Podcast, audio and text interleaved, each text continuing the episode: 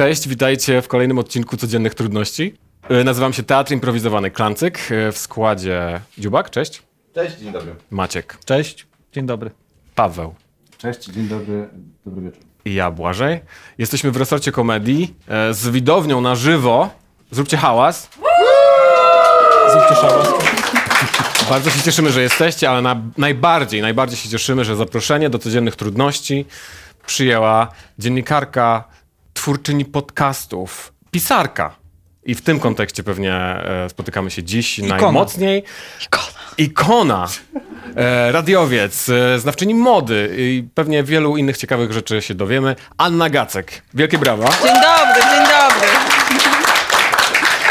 Dzień dobry.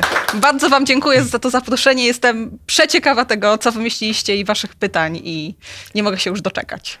Pomyśleliśmy, że z okazji e, premiery twojej książki, Ekstaza, lata 90. początek, odbyłaś już tyle e, autorskich spotkań i tyle razy opowiadałaś o książce, że dzisiaj odbijemy się trochę od niej i będziemy mówić o nieco innych rzeczach, e, ale zawsze gdzieś mając Ekstazę i lata 90. e, w tle.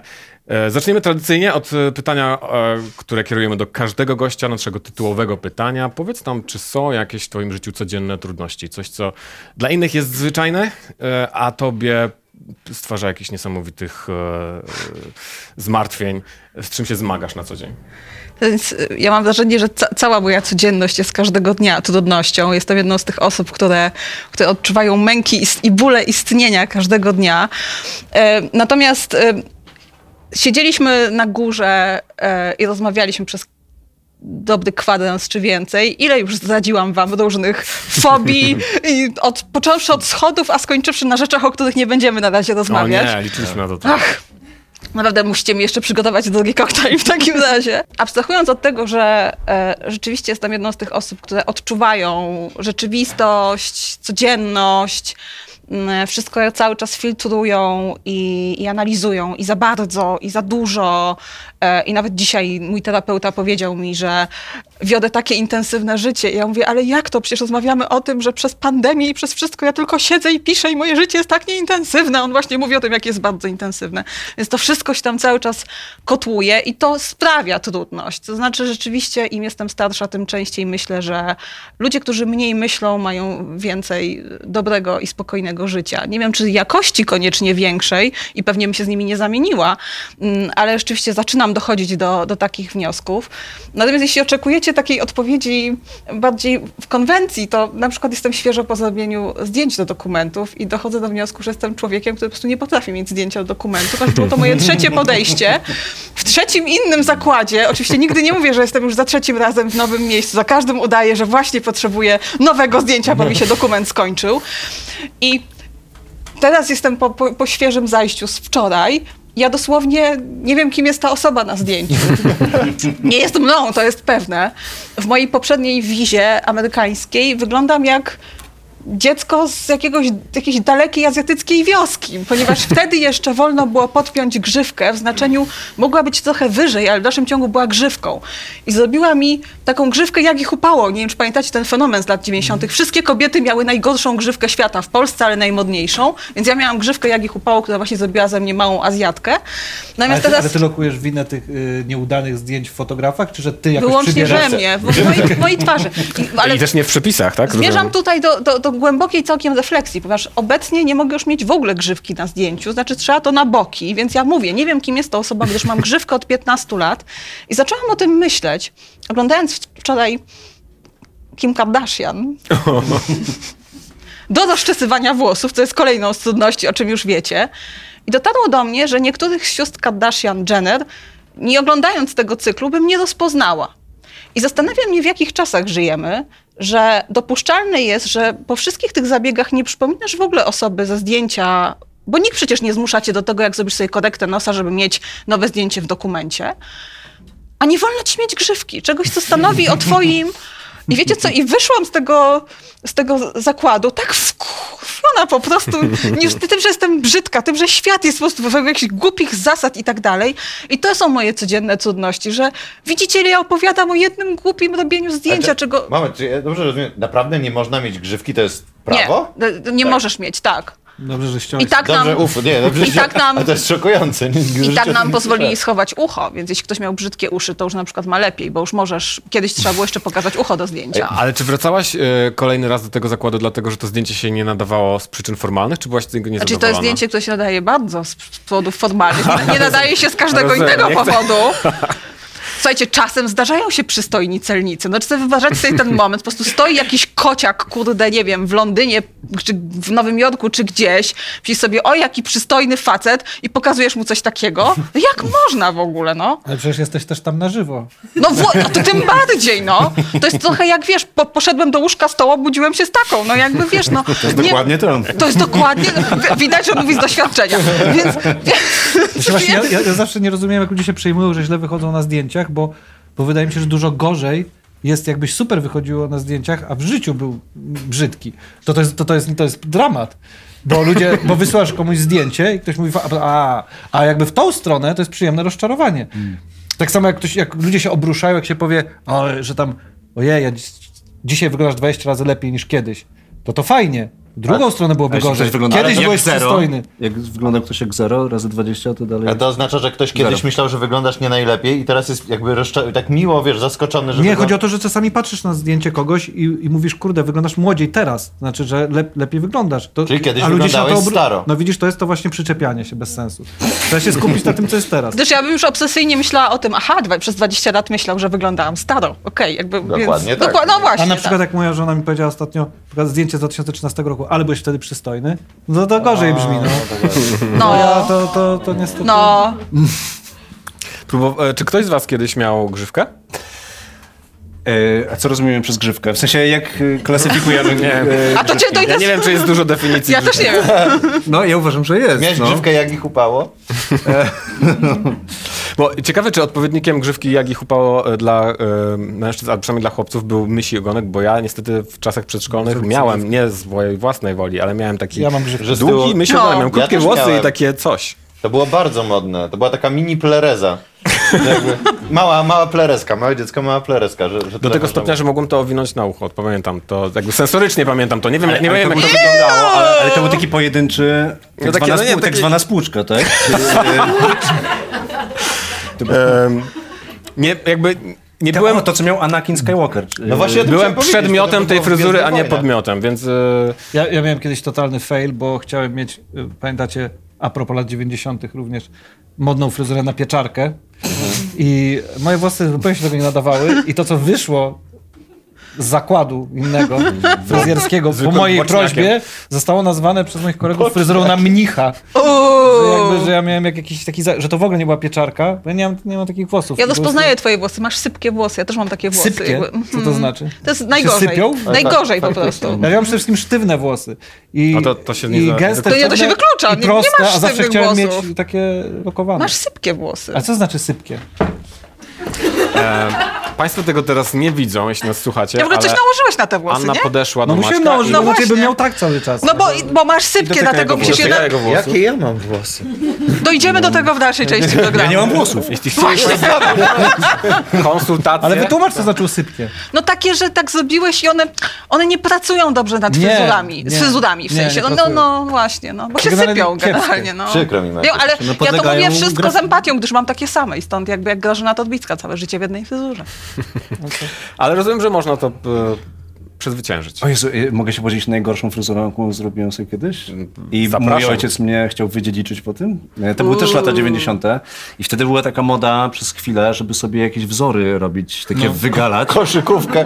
No nie, to było gorzej. Orlando Magic sobie Ja, to, było, to, było w Węgo, to było w Węgorzewie na Mazurach. Węgorza sobie zrobiłeś? To jest gorzej. To Nie, nie, nie, tam to chyba był jakiś, nie wiem, jakieś zainspirowane byłem murarstwem, bo zrobiłem sobie taki Cegłę taką? ce- taką cegłę z tyłu e, i taki murek, to był jakiś 95 czy 4.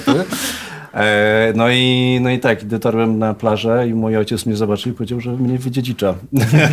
A, ja, a pamiętacie a propos grzywek, to już nie są lata 90, tylko rok 2002, najgłupszą grzywkę, którą wylansował Ronaldo na Mistrzostwach Świata. Czyli, że jesteś łysy i masz tylko grzywkę. No Psy, ale to się. Psycho nazywało w latach 90. i to było popularne wśród e, Brazylijskich piłkarzy. i pato, e, patologicznych moich kolegów ze szkoły. Ale to była tak durna fryzura, tak, Tak. nieprawdopodobnie Tak, durna. tak, tak, okropne to było. Fryzury.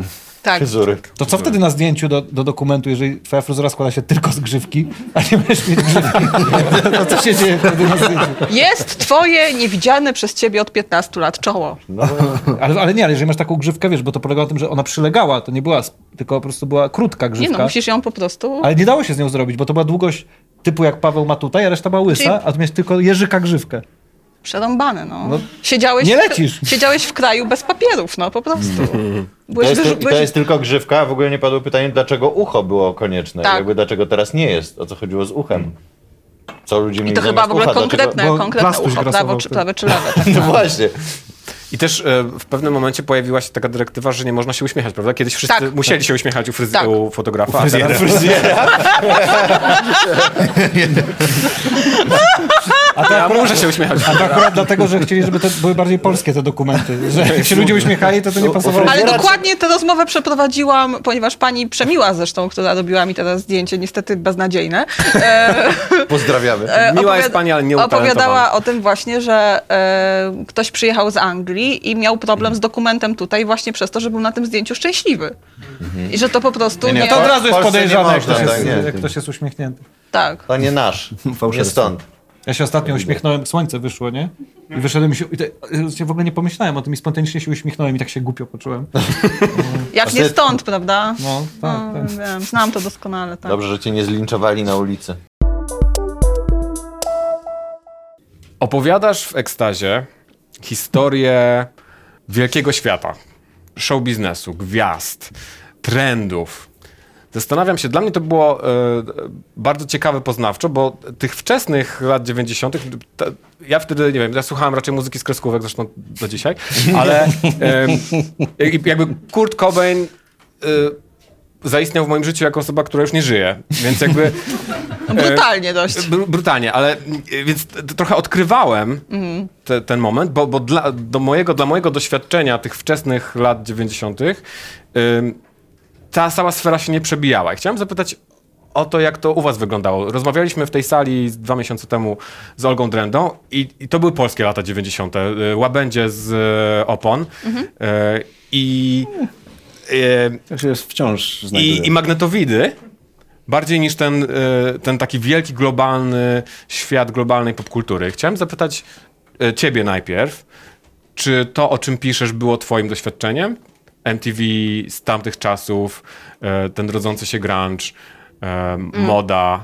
Czyli w ogóle chciałam zwrócić uwagę na to, że rozpocząłeś pytanie od opowiadasz w ekstazie. Jednym, jednym z powodów wybrania przeze mnie tego tytułu było wyobrażenie sobie, szczególnie na przykład jakiejś zjadliwej, albo okrutnej, albo nie wiadomo jakiej recenzji, Anna Gacek w ekstazie, coś tam. I po prostu myśl o tym, że będę cały czas w tej ekstazie, wydała mi się tak fajna po prostu, szczególnie na przykład, nie wiem, Anna Gacek w ekstazie nieudolnie analizuje lata 90. Zajebiście, tak chcę. Więc, więc e, od razu sprawiliśmy przyjemność.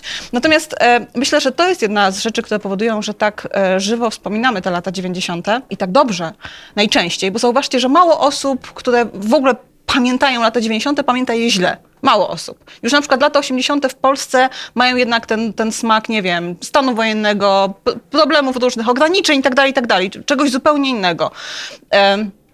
Lata 90. zauważcie, że każdy się właśnie jak do tego angielskiego zdjęcia trochę rozświetla. Prawie każdy. I e, Paweł niestety wtedy stracił pracę w kopalni i jakby... Poza 97 to był straszny rok, bo zmarła księżna Diana i matka Teresa w jednym roku. I powódź była. A, jeszcze to. Ale nawet to, ale zobaczcie, ale jakby, ale zobaczcie, to jest, to jest Nie, doskonały i przykład nadzieja. tego, że e, o, wy z publiczności powiedzieliście, wy powiedzieliście o, o zdarzeniach zagranicznych, publiczność od razu na to zareagowała zdarzeniami polskimi. I to jest właśnie ta dwutorowość, którą miałam na myśli, że z jednej strony patrzyłam godzinami zafascynowana na MTV, chociaż jeszcze wtedy nie miałam MTV, ponieważ e, nie musiałam mieć, gdyż e, śląskie, nielegalne telewizje kradły sygnały po prostu do różnych stacji, więc się na tych różnych jakichś kanałach przedziwnych oglądało. E, więc ja miałam mm, MTV dużo później niż myślałam, że miałam, ponieważ tak czekałam na talerz satelitarny, że do dziś pamiętam pierwszy teledysk, któ- który wyświetlił się po podpięciu wszystkich kabelków talerza. I to było 74-75 zespołu The Connells, z tym takim bardzo charakterystycznym teledyskiem. Em, I to był 95 rok, czyli ja bardzo późno miałam MTV, MTV, ale wcześniej właśnie widziałam je w tych kradzionych sygnałach.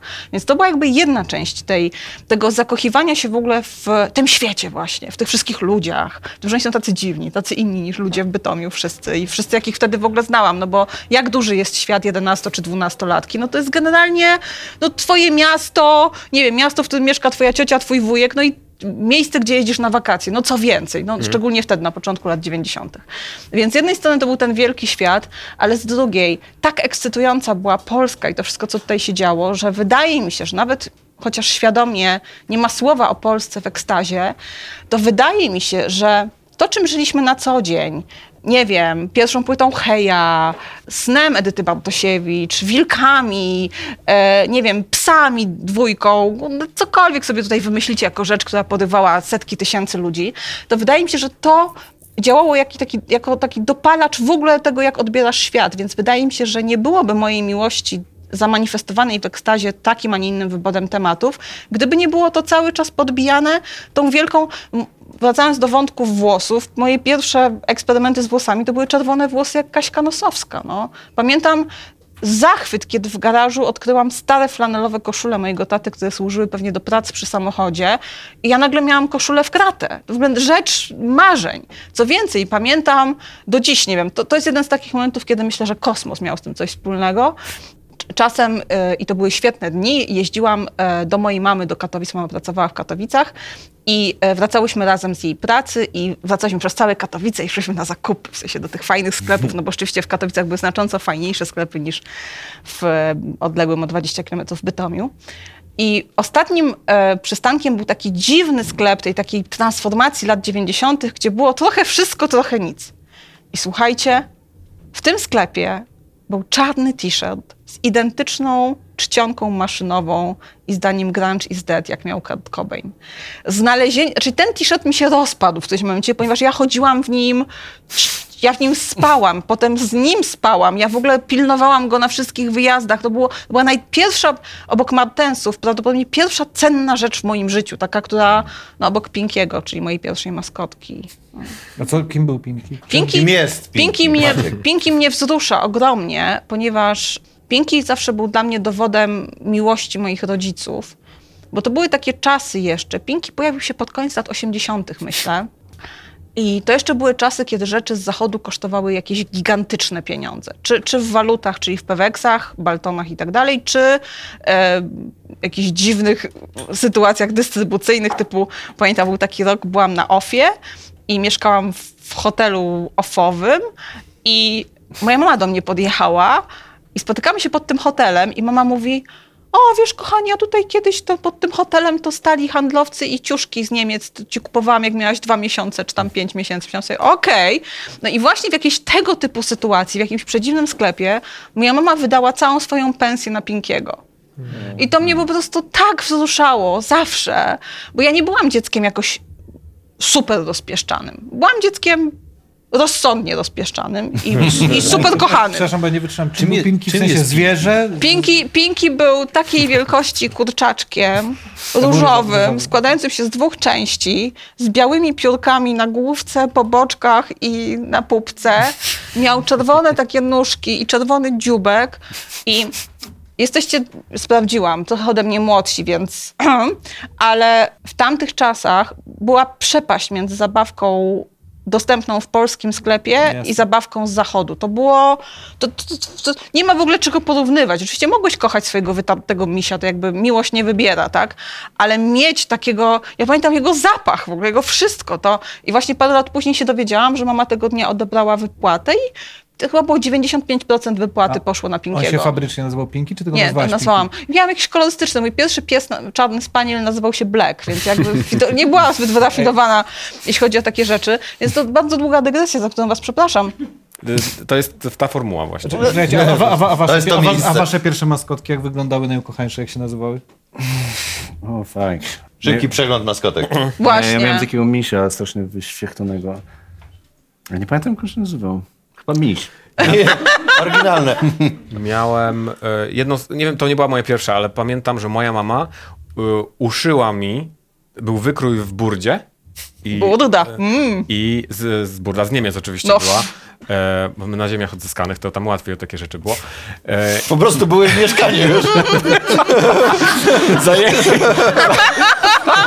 Zajęliśmy kamienicę, była tam I trochę złota. trochę złota. E, zastawy, e. Nie, e, nie, to był blok z wielkiej płyty. E, ale to był jamnik. E, był, e, był wykrój na jamnika i miałem takiego długiego jamnika. E, Ale burdy. z materiału? Z materiału. Znaczy, był wypchany pewnie watą albo czymś Ale to tam. też wzruszające, że mama ci przygotowała maskotkę, tak? Tak, No. bardzo. Też miałem kilka takich maskotek właśnie z burdy. Natomiast kurczę, ja, ja, ja chyba wykreśliłem sobie Joe. z, z pamięci dzieciństwo. Ja miałem, ja miałem i mam w zasadzie, bo mam do dziś tą rzecz. Yy, bo ona pie, pierwsza, no bo nie byłem czas w stanie, z nią śpisz, tak? Nie, nie śpiałem, nie byłem w stanie się, wiesz, jakby za dużo, za duży emocjonalny stosunek. Yy, ze żłobka. Ze żłobka. Wow. Mam małpkę zieloną. Mam zdjęcie, jak ją dostaję, taki Mikołaj, wiecie, taki, że siedzę na kolanach, taki brud, taki, wiecie, taki bez, taki Mikołaj za dwa złote. Broda gdzieś tu podpięta. Z watową brodą. No, jakieś, tak. wiecie, z jakichś radzieckich magazynów. strój. I po prostu, że siedzę na, na, kolanach, taki że jakiś zes, Mocno przestraszony. wstawiony na pewno. Całe życie w jakimś, kurde, wiecie, kamizelce wyjściowej. I, i, i taka siata, taka siata, w której są pomarańcze i ta małpa. Zielona małpa. Ona była w różnych kolorach, była niebieska, taka, taka małpka. Yy, I faktycznie to była moja najważniejsza maskotka całe życie. No to jest trochę creepy, bo ją nazwałem... e, Maciek. to jest bardziej creepy. Nazwałem ją e, Dorotka, jak moja mama. To nie jest creepy, to jest to. To jest urocze. Przestań. Pozdrawiamy. Pozdrawiamy mamę. Ja mam do tej pory swoją maskotkę pierwszą, jest to zielona żaba z to co taką opcją śmiałeś, że ja zakładania na rękę. Ile Która- lat ma ta którego- maskotka? Tyle co ja, 40. No to a, a oburzyłeś się, że ja mam. Jest moja Obu, nie oburzyłem się, bardzo ładnie. Y, Czy, wie, czy Pinki jest wciąż z tobą? Albo... Nie, Pinki już jest w niebie. Tak, jest już w pluszowym Znaczy niebie. zmarł naturalną śmiercią. Zmarł naturalną śmiercią, po prostu nie dało się ze mną żyć dłużej niż Znaczy 20... odszedł. Odszedł, tak. Um, odszedł w tragicznych dość okolicznościach zresztą. Mocno do kędzolowych dodam. Ale miał, miał, dobre, miał dobre, długie życie. Zdążył jeszcze być w Warszawie e, i Jak mieszkać jakaś tutaj. symboliczne przejście w dorosłość. Tak. e, Złożył jajka? Miał... Nie, niestety, niestety nie, ale muszę wam powiedzieć, że czasem, jeśli gdzieś pojawi mi się właśnie jakiś taki pluszowy kurczaczek, to serce jednak czuje i pamięta, tak. I jest taki moment, kiedy myślę sobie, straciłam Pinkiego, więc jakby pierwsza miłość stracona już, tak. I tak ten tak patrzysz, ten kurczak tak pięknie pamięta. No. tak. Natomiast Pinki tak później w, w dalszym życiu pomyślałam sobie, że maskotki potem są takie bardziej jakby zaczepne, że tak powiem, że tu rączka, nóżka, Pinki miał tylko te piórka, więc tak jakby jeszcze było trochę do zrobienia w tym. Ale co ciekawe, nie licząc metrowego alfa, następnej kluczowej maskotki w moim życiu, to ja już nigdy serca nie oddałam żadnej innej. Był tylko Pinki. A z kolei z Alfem skończyło się brutalnie, ponieważ wspomniany Blekuś uwielbiał molestować Alfa.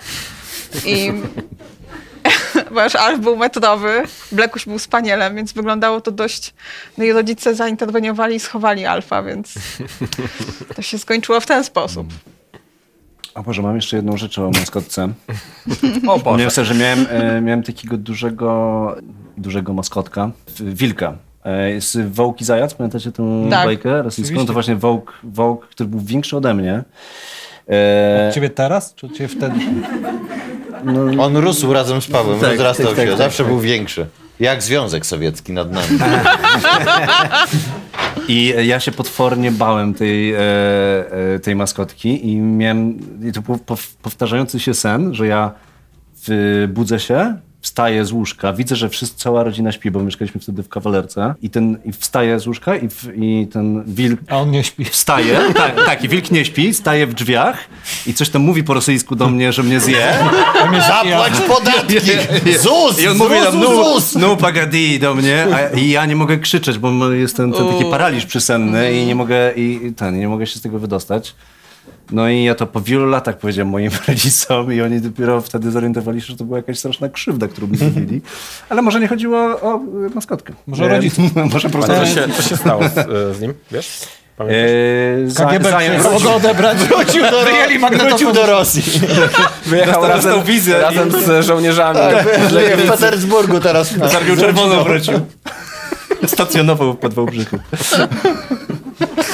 E, Wracając do mojego oryginalnego pytania, czy wy, e, jakie wy macie wspomnienia z tego czasu? Czy Ja- mam totalnie właśnie takie, że zagranica, bo za moich czasów, za moich lat 90., czyli jakieś, nie wiem, jak ja zacząłem podstawówkę w 93, to zaraz potem wjechały pisma Bravo, Popcorn, Backstreet Boysi, Spice Girls. Więc jakby dla mnie... to, to jest te- trochę dla- późniejszy właśnie, późniejszy no, okres, To 96, 97, 98, nie? To jest Tak. to, bo że, że, że pamiętam, że wtedy były te polskie zespoły, ale się nimi w ogóle nie interesowało, bo była zajawka totalnie na te zagraniczne, szczególnie no, najgorsze, że znowu z Niemiec, nie? Że te brawa były jakimiś przedrukami z Niemiec była masa jakichś niemieckich zespołów, które nic nie obchodziło, że kupowałeś to brawo, miałeś o Backstreet Boysach, zaraz jakimś Schlaffenpüssen, tak, jak, jakieś kurde kolesie z włosami na jeże. Inne dzieci nie traciły czasu i nauczyły się niemieckiego po prostu, ale Ale parę nawet pamiętam, pamiętacie zespół Tic Tac Toe na przykład? Czy Hej, Oczywiście. hej Mr. Wiściś? Była taka piosenka. normalnie się słuchało tego. i, i, jakby, I jakby takie zespoły, które ewidentnie były tylko w Niemczech y, popularne, a, a, a jeżeli proszę o wcześniejsze lata 90., no to y, co można z nich pamiętać? Różne są wspomnienia. Ja Dobre- mogę, ja mogę na Dobre, przykład. nie, ale w sensie mówię, że dobre, dobre i złe, bo zastanawiam jak, jak, jak ty powiedziałeś, że wszyscy pamiętają dobrze. No ja na przykład, ja z 80 mało pamiętam, bo przeżyłem mało lat w 80 ale że, że pamiętam z tych 90 też taki... W sensie, że oczywiście w ogóle też dzieciństwo raczej y, się, pamięta z różnych takich właśnie gadżetów, ale że, ale że też pamiętam, że było tru, trudno trochę na samym początku, że pamiętam, te, pamiętam to mleko podstawiane pod drzwi jeszcze pamiętam i nie miałem wtedy refleksji takiej, hmm, kraj jeszcze jest w starym systemie. jako pięciolatek nie dumałem nad tym, że czy, czy Balcerowicz miał rację, ale, ale, ale że wydaje mi się, że, że jak niektóre rzeczy wspominam, na przykład z takiego domowego, domo, domowych, wiecie, rzeczy, to że tam różnie było, no, w sensie takim ekonomicznym i takim e, logistycznym, życiowym. My Mieliśmy super ciasne mieszkanie na przykład. No może nie kawalerkę, przebiłeś, ale... Że też pamiętam, pamiętam trudności tamtych czasów jakoś też. Mm, ale a, Chodzenie do świetlicy. a Michael Jordan? Odbieranie bardzo późno ze świetlicy. Musiałem siedzieć w świetlicy. Byłoby straszne. Michael Jordan? Co Michael Jordan? Poznałeś go osobiście, opowiedz nam. No Michael Jordan jest dla mnie na przykład takim mega wspomnieniem z wczesnych lat 90. Takim, w sensie, że jakby do mnie chyba nie docierało aż tak dużo rzeczy z, te, z szerokiego świata zachodniego, ale Michael Jordan był czymś, co po prostu... Bo twoi rodzice ci dawali te rosyjskie zabawki. Pamiętałeś koszykarzy rosyjskich? Chodził w nocy i mówił, no pagadi.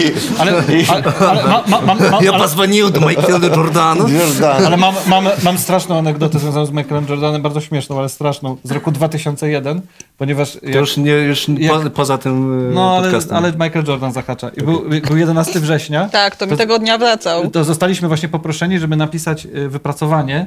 No i wszyscy pisali tak. Wróciłem ze szkoły do domu. Włączyłem TVN24, bo wtedy TVN24 startował Tak, i tak. włączyłem. Nie wierzę, to straszne. Co będzie? Czy będzie wojna? No i wszystkie dzieci pisały w ten sposób, aż doszło do jednego kolegi, który napisał, który, na, który napisał tak. Wróciłem ze szkoły do domu, włączam. Okropne. Ludzie skaczą z budynków. Pamiętam to do dziś. Pewnie skaczą prosto do grobów. Coś tam. Makabra, nie mogę na to patrzeć. Przełączam kanał. O, Michael Jordan wraca do I on to napisał legitnie, nie jako żart, tylko jako legitne wypracowanie. I pamiętam panią, która była tak przerażona. Było, było tak wspaniałe. Tak, to w ogóle jeśli się ogląda e, programy telewizyjne amerykańskie z tego dnia, to newsem dnia było rzeczywiście to, że Jordan wraca w programach śniadaniowych i porannych newsowych i że Jordan chyba po prostu nie może żyć bez tego spodu, ale zdaje się, że już powinien żyć bez tego spodu. Taki był, taki To się był nazywa vibe. wybrać zły dzień na comeback. Bad timing to jest po Tak, bad prostu. timing. Tak, więc, ale rzeczywiście to, to miało być, to miało być główne, główne wydarzenie 11 września w Ameryce. No, jak się potoczyło, to, to wszyscy wiemy, tak. No.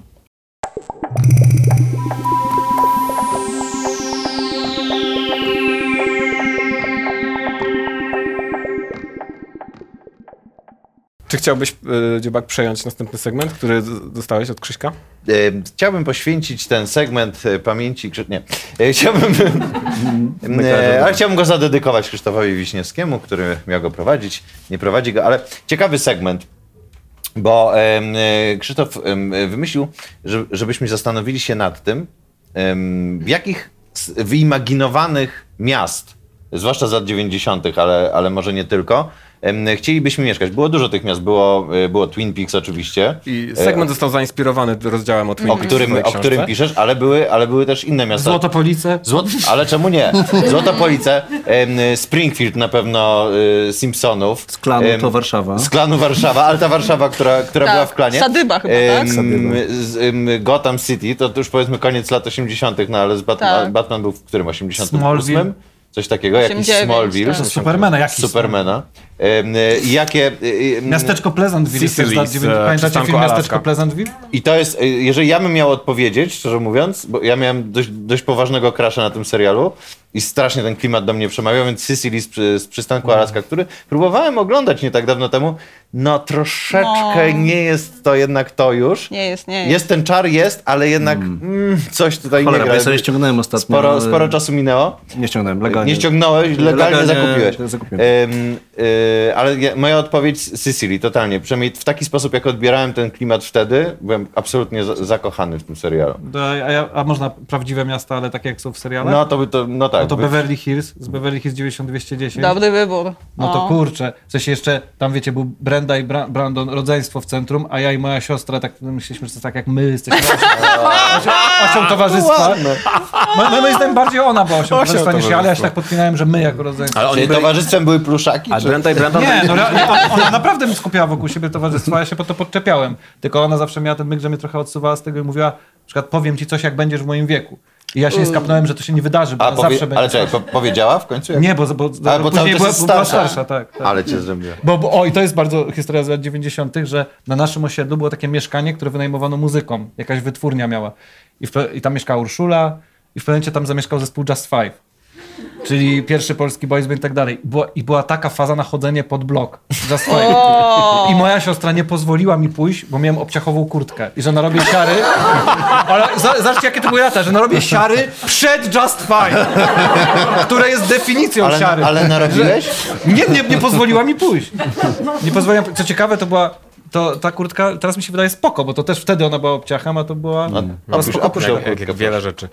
E, to był taki, nazwaliśmy ją Anorak, bo uczyliśmy się wtedy angielskiego i nas śmieszyło słowo Anorak. To była taka zimowa, w sensie taka pobita jakimś takim, e, czym, czym, czym cieplejszym, taka po prostu I granatowa dlaczego, dlaczego kurtka. chłopcy z Just Five mieliby pogardzać tą kurtką? Pytaj mojej siostry.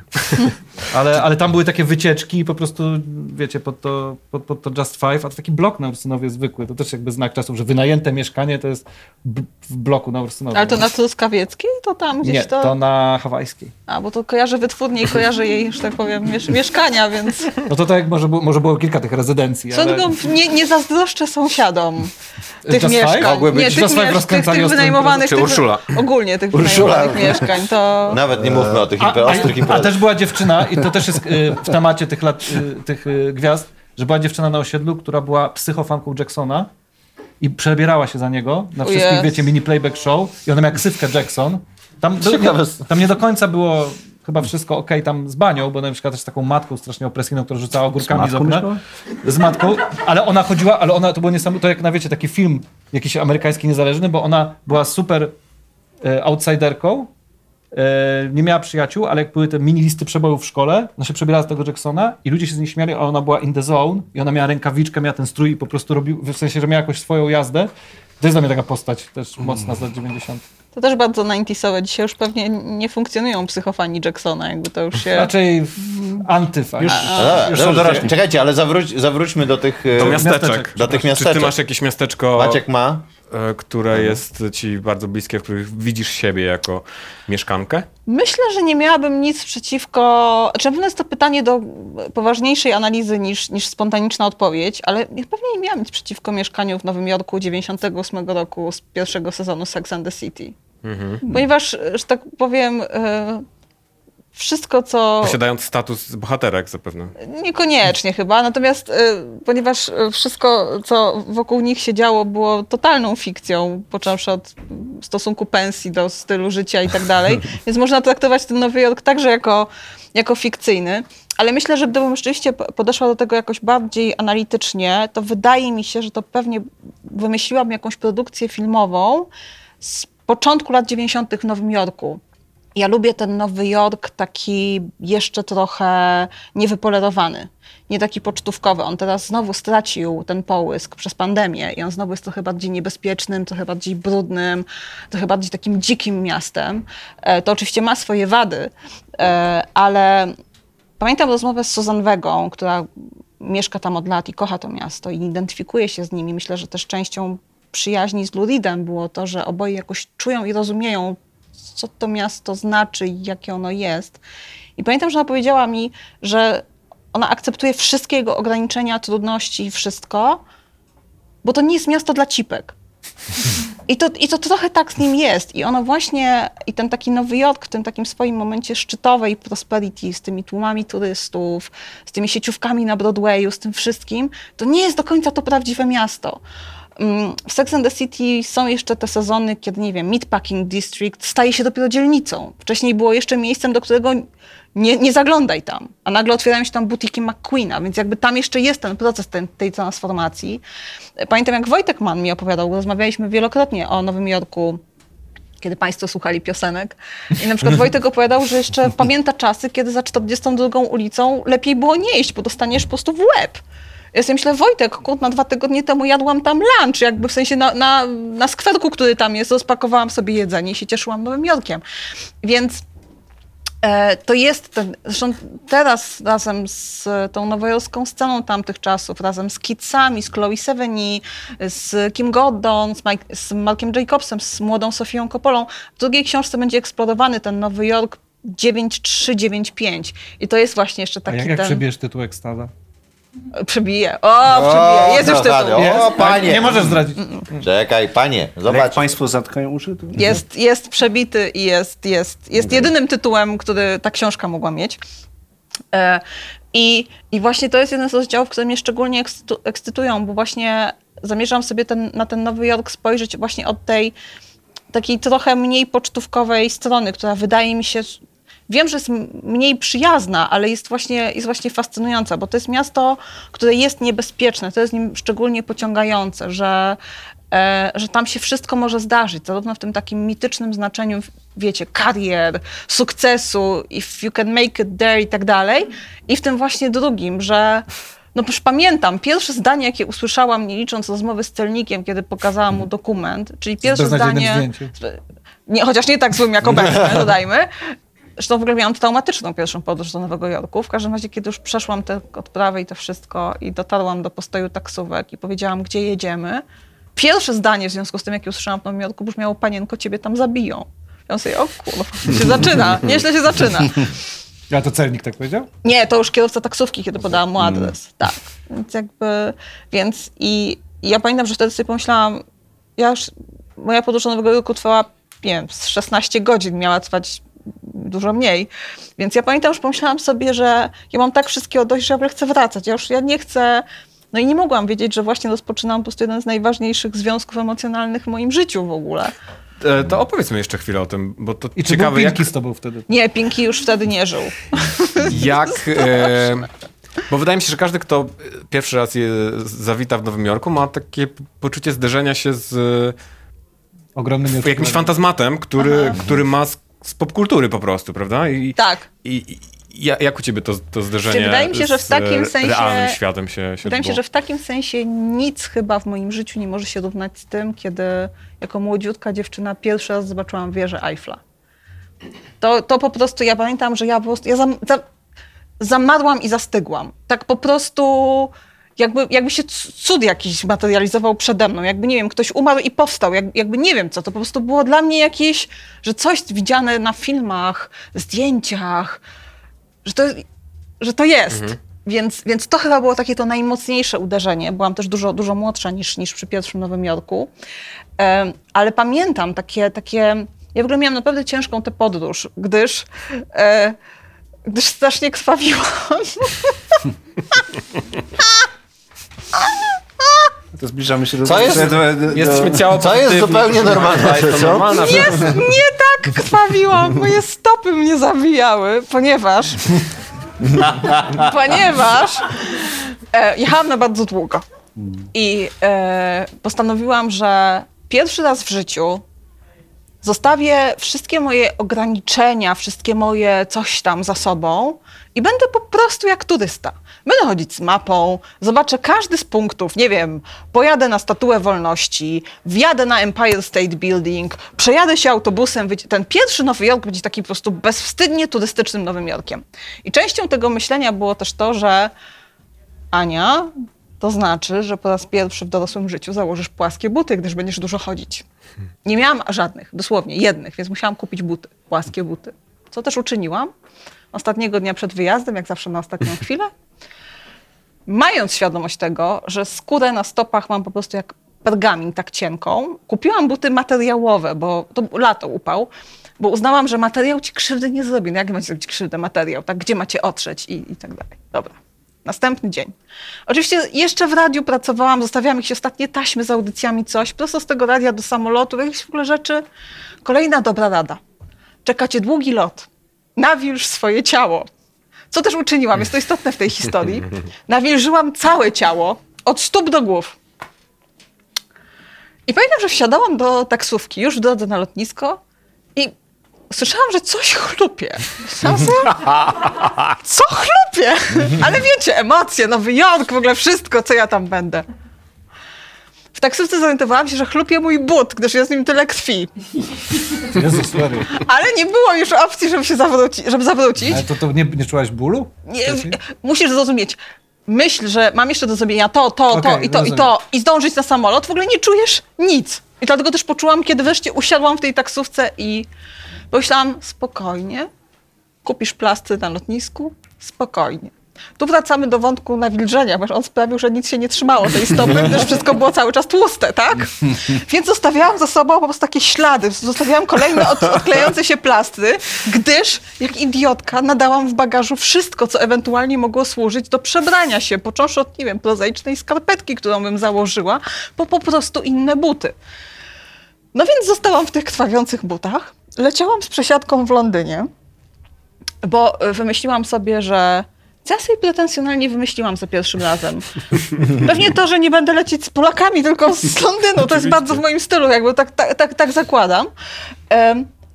Samolot z- z Warszawy już był trochę opóźniony, więc już było tak nerwowo dość na, na Heathrow. Zbyt nerwowo, by kupić jakiekolwiek inne. Bolało mnie już wszystko tak, że po prostu stałam na, na boso na tym lotnisku. Patrzyli na mnie wszyscy, gdyż stopy też przez to, że były i całe nogi cały czas w tych wszystkich kremach i balsamach też łapały każdy brud, więc... No, no i no i, no i do tego jeszcze doszła kolejna historia. Otóż ja bardzo nie lubię, ja uwielbiam latać. Ja mogłabym żyć w samolocie, natomiast z jednym wyjątkiem. Nie znoszę chodzić po pokładzie lecącego samolotu. Coś mi się dzieje, odczuwam jakiś dziwny niepokój. Stąd staram się nie chodzić do toalety, gdyż wymaga to, jak domyślacie się, chodzenia. Żeby nie chodzić do toalety, dość mało piję. Co też uczyniłam w czasie tego 9 czy tam 8 godzinnego lotu z Londynu. Lot był opóźniony 3 godziny, ten, ten Lon- Londyn, Nowy Jork. Przez to, że był opóźniony, był jeszcze większy korek niż zazwyczaj nad, nad e, JFK-em w Nowym Jorku lotniskiem. I kiedy już osiedliśmy na płycie, okazało się, że musimy czekać 40 minut, zanim nas gdziekolwiek tam... To zrobiło z tego lotu już jak 17-godzinny lot bez, to, bez toalety. Pomyślałam sobie, że nie jest dobrze. Przez to, że to wszystko się tak opóźniało, przyleciał następny lot z Londynu i kolejne 250 osób. A ponieważ wszystko się opóźniło, była już druga w nocy i było już bardzo niewiele okienek z odprawą celną, więc były dwa czynne okienka dla 500 osób. Był to koniec sierpnia, był upał 30 parę stopni i tam w ogóle nie było powietrza. Ja chyba przez chwilę w ogóle zemdlałam. Z braku jakiegokolwiek płynu od 12 godzin i z emocji, i z tej krwi i z tego wszystkiego. Więc tak zaczął się mój Nowy Jork, który potem, kiedyś przeszłam i pamiętam, że dawałam ten dokument i pomyślałam sobie, jeśli on zada mi jedno pytanie, pierwszy raz w Stanach, więc mógł zadać jakieś, jeśli on zada mi jedno pytanie, które mi się nie spodoba, ja po prostu, ja powiem mu, gdzie ja mogę wrócić do Warszawy. Ja, po prostu, ja już nie chcę, ja już, ja już nie chcę tego, ja już po prostu nie chcę tego Nowego Jorku. To poszło bezboleśnie, po czym, tak jak mówię, wychodzę i pierwsze, co słyszę, to panienko, tam cię zabiją. Myślę sobie, no i rzeczywiście następnego dnia rano pierwsze, co zrobiłam, to poszłam do Gapa po buty Zresztą też mnie otarły, ale w innym miejscu, co doceniam. I tak właśnie zaczął się mój Nowy Jork, który cały spędziłam w krótkich sukienkach, gdyż tylko takie zabrałam, bo upał, i w grubych rajtuzach, gdyż to było jedyne, co było w stanie przytrzymać te wszystkie opatrunki na swoim miejscu. No i tak, tak zaczęło się to, to, to niesamowite, nie- niesamowite zupełnie y, uczucie do tego miejsca i ta relacja. I rzeczywiście pamiętam, że e, te pierwsze momenty, szczególnie chyba takie, kiedy wychodzisz ze stacji metra, stopień, stopień, stopień, stopień i nagle na przykład wyłania ci się widok. I to jest na przykład właśnie jeden z tych widoków, które kojarzysz z jakiejś sceny filmowej, z jakiegoś zdjęcia, z czegoś i nagle w tym jesteś, nagle na to patrzysz, no to rzeczywiście to, to, to, to robi wrażenie. No, tak. Nowy Jork to jest takie mocne mm, rozczarowanie zapachowe, powiedziałbym. Ale nie, tak, mo- ale nie tak mocno jak Paryż, uważam. No nie, tak, to prawda. To- ale, ale jest taki mocno, Ale tak, na tych filmach tak nie, nie, nie widać tego, Znaczy, te jakby śmieci- jak te tego zapachu. Jakby. Nie chodziłeś do kina 4D? Na... Chodziłem właśnie, właśnie kupowałem tańsze bilety bez zapachu. Te- I nigdy nie, nie, powinny być droższe mi właśnie. tego. Droższe powinny być. Droższe, tak. Ale właśnie to jest, to, jest, to jest jeden z wyznaczników tej wielkiej miłości, że mi nawet ten smród nie przeszkadza, który jest niesamowity, ponieważ oni te wszystkie śmieci wystawiają wieczorem. To miasto jest latem upalne, to, to zaczyna wszystko parować i to jest taki odór, że czasem musisz przejść na drugą stronę ulicy, bo tego się nie da znieść. Na przykład na drugiej stronie ulicy wita cię szczur. Widzisz sobie, kurde. Zgubił się, gdzie jest Zgubił się, tak, szuka rodziny najprawdopodobniej. Ale, ale jest coś takiego w tym mieście, że właśnie to wszystko jakoś przedziwnie tylko wzmacnia moje, moją relację z nim. Tak? To, to te, też pewnie przejdzie na, przez terapię w którymś momencie. Tak. E, Zdradzimy słuchaczom, że w tej anegdocie e, pojawiła się pewna e, codzienna trudność, o której nie chciałaś mówić. Niech sobie Państwo ją sami zidentyfikują. E, idziemy dalej. A to już nie gadamy o tych miastach? Chyba Nie, no, ja jestem, chyba, ale jestem bardzo ciekawa waszych, waszych Dobrze, waszych to w takim miast. razie Swoje wróćmy. miasto. To już tylko hasłowo. South Park. South Park? A, y, a czy, powiedzcie mi, czy Dr. Queen to były lata 90. czy 80? 90. To, było, to, było, No to ja- to, było, to było westernowe czasy, to były. To był, to był, dziewiętna- to był XIX wiek, Paweł. Nie, nie, nie, nie, nie, to były lata 90. XIX wieku. Tańcząca chmura. E, Nawet sprawdzałem, jak się, przygotowując się, sprawdziłem, jak się nazywało to miasteczko, ale już umknęło mi. Było City w, w nazwie. Coś tam City. No ja, ja bym tam mieszkał. Ja w ogóle strasznie byłem... Tak? Coś tam, coś tam City tak Tam się było nazywa? strasznie. Whatever City? Ale mnie zawsze... Pamiętacie Horacego? Znaczy tam było, tam Ale było, ja- ja byłem tam było wszystko beżowe w tym mieście? Tak. Tam było wszystko, Tak. i w tym serialu zresztą, wszystko było Ja beżowe. kochałem Beż jako dziecko. A, rozumiem. Chciałeś być jak Sali? Chciałem być jak Sali. No ja naprawdę, w sensie ja, czyta, ja miałem nawet, pamiętam, że w Teletygodniu był taki wywiad z Salim i on taki... i- Ale i w on taki- postaci, czy jakby jest E, aktorem? Nie, nie, no z aktorem i on był taki bardzo umięśniony i miał taki dom, który miał takie w ogóle drewniane, jakąś taką konstrukcję i on tak wisiał na tym i tak, i tak sobie myślałem, kurde, ja tak, ja tak chcę. I długie włosy miał i coś tam. Ja pamiętam z Dr. Więc Queen. trochę mi zostało tych fiksacji później, które musiałem rozwiązać y, w różne sposoby. Skończyłeś medycynę. Zapuściłem włosy. Ale ja, Zostałeś ja, królową. Ja, ja pamiętam, ja mam straszny śmietnik w głowie różnych niepotrzebnych rzeczy i na przykład pamiętam, że aktor grający starszego syna Dr. Queen nazywał się Chad Allen, a Fajnie. pamiętam to stąd, że, że jak z siostrą się bujaliśmy na huśtawce, to im mocniej było, to był większy czad i gradacja była, że jest czad, super czad i Chad Allen. Autentycznie to robiliśmy. Ale czekaj, to nie były jej dzieci, prawda? Eee, jej. Nie. Nie. Nie, to ona była adoptowana. adoptowała. A, mo, a młodszy się nazywał Tovey, aktor, i to po prostu pamiętam. I to jest... Taki z taką blond grzywką, wracając do grzywek, prawda? Matthew postać się nazywała. Jezus Maria. Nie, Matthew to był najstarszy. Jesteś pewien? Tak. To ja aż tak dobrze nie pamiętam. Wow. Ale i tak bym tam mieszkał. Znaczy ja chciałabym tylko... Oni oglądali serial Dr. Queen, więc... U nas się oglądało całą rodziną oglądali Dr. Dr. Queen. E, no, Ja mój myślę, tata że... ostentacyjnie wychodził na Dr. Queen, pamiętam. Nie, nie wierzę w medycynę. A drugiego Hausera oglądaliście z medycyny? No, Ale mnie wkurzał Długi strasznie. Ja kochałem No, Hausera. kochałeś Długiego? Przecież Ja w ogóle tak mnie jarało to, w sensie to jest strasznie drętwe, to, że te jego takie zdania, które zapisywał Tak. na Na koniec komputerku? odcinka na komputerku, ale, ale ten komputerek był fajny. A Clarysę oglądaliście? Był taki serial, takiej nastolatce, tam Był. grała ta, co potem grała Buffy, ta sama chyba aktorka? Nie Buffy, Nie. tylko z Sabrinę. Sabrinę, tak, Sabrinę, y, ta aktorka i ona, i to był taki, że taka nastolatka i był taki motyw, że ona miała kumpla, który do niej przychodził i to bardzo lubiłem, bo on wchodził przez okno, Przez okno, i dobrze. zawsze był motyw muzyczny, taka gitarka, takie bra, jak on... Fajny, A o fajny miasteczkach rozmawiamy. No ja nie, może tam też było jakieś miasto. Twoje miasteczko. Ja generalnie chyba nie lubię za bardzo, nie chciałbym mieszkać w małym miasteczku, ale jakbym miał wybrać jakieś telewizyjne, małe, fikcyjne miasteczko, to wybrałbym Stars Hollow z e, kochanych Star Wars? kłopotów. E, bo to jest takie miasto E, pełne z, takich e, quirki, dziwnych osób, gdzie wszyscy się spotykają, żeby przegłosować to, co się będzie Jak działo się na kochane kłopoty, festiwalu? Gilmore Girls. A, Gilmore. Em, festyn jesienny i tak dalej. To, to dużo kawy, to myślę, że to, to by było to, Pumpkin to Spice. Latte. To jest, ja widzę ciebie tam, Boże. Tak, Tak, to jest, tak. No jeszcze, jeszcze można, jeszcze ja bym mógł mieszkać na, na górze Kretynów, czyli tej planecie z kosmicznego meczu, z której przylecieli. Niewątpliwie Była góra tam Kretynów i tam same Ale też powiem wam, że na przykład e, co jakiś czas wracam sobie do Archiwum X, nie mogąc uwierzyć, jak nie podoba mi się po latach ten serial. I Nie. za każdym razem wracam, żeby się sprawdzić. W sensie, nie, jednak ci się podoba. I on mi się ciągle nie podoba. Ten- Ale o, to, to Vancouver, w którym kręcili większość scen, e, i to, ten deszcz, to wszystko, jest jakiś klimat tych, tych, e, tych Ja scen właśnie. serial. No, E, ja pamiętam, że wtedy, jak, jak, jak był emitowany, oczywiście żadnego serialu nie bałam się tak jak Twin Peaks, natomiast pamiętam, i to jest zawstydzające, bo byłam już starsza niż przy Twin Peaks, pamiętam, że jeśli latem były w telewizji odcinki Archiwum X, to musiałam zamknąć okno w moim pokoju, bo się bałam, że wlecą kosmici. Ja z kolego prowadziłem to- zeszyt fanowski od Archiwum Mix, który nam zabrała pani od religii. Pamiętam do dziś, jak ona wyglądała i jest, mamy to za złe. Mieliśmy jej opisy odcinków i mieliśmy na przykład, tam był też taki, na przykład, taki przyklejony, jakaś taka dziwna rzecz taśmą, był e, o- odłamek kosmosu, który spadł Krzyśkowi na głowę podczas Paranormalne rzeczy. To była prawda. Nie, nie temu Krzyśkowi. E, ale no. On kiedyś przyszedł do mnie, żeby powiedzieć mi, zadzwonił do mnie domofonem i powiedział, Maciek, muszę ci coś pokazać. I poszedł do pokoju, zamknął drzwi i pokazał, że zaczyna być wampirem, bo mu zęby tu jakieś... Dwójki mu rosły, coś tam i on taki przerażony, trząsł się i pokazywał, że, że, że został wampirem. Ale, Wspaniałe czasy. ale został? Urwał się kontakt. Ale utrzymujecie No go, to właśnie, no właśnie. Nie wiesz, bo musisz- wiesz, to trzeba takie rzeczy trzeba Na pewno został hazardzistą z tego, co słyszałem, więc może też się... Nie Może wampira, ale to to przypadek. hazardzistą. Wyczerpaliśmy temat miasteczek, tak. czy ty masz, Paweł? Bo widzę, że coś... Nie, nie, nie, bo, nie, nie, bo zacząłem sobie myśleć o Gillian Anderson i w ogóle jak bardzo się w niej kochałem I w latach odpłynąłeś. 90. Ale muszę przyznać, że teraz w Sex Education to jeszcze bardziej się w niej kocham.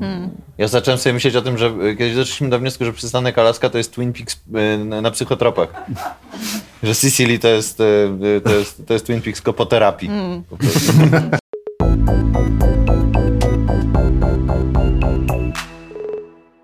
Maćku, Bożeju. przygotowałeś segment, który nazywałeś roboczo z Wielkiej Chmury Mały Deszcz. Lubię, jak segmenty mają swoje własne nazwy. Tak, y, i chyba do tego się sprowadzi.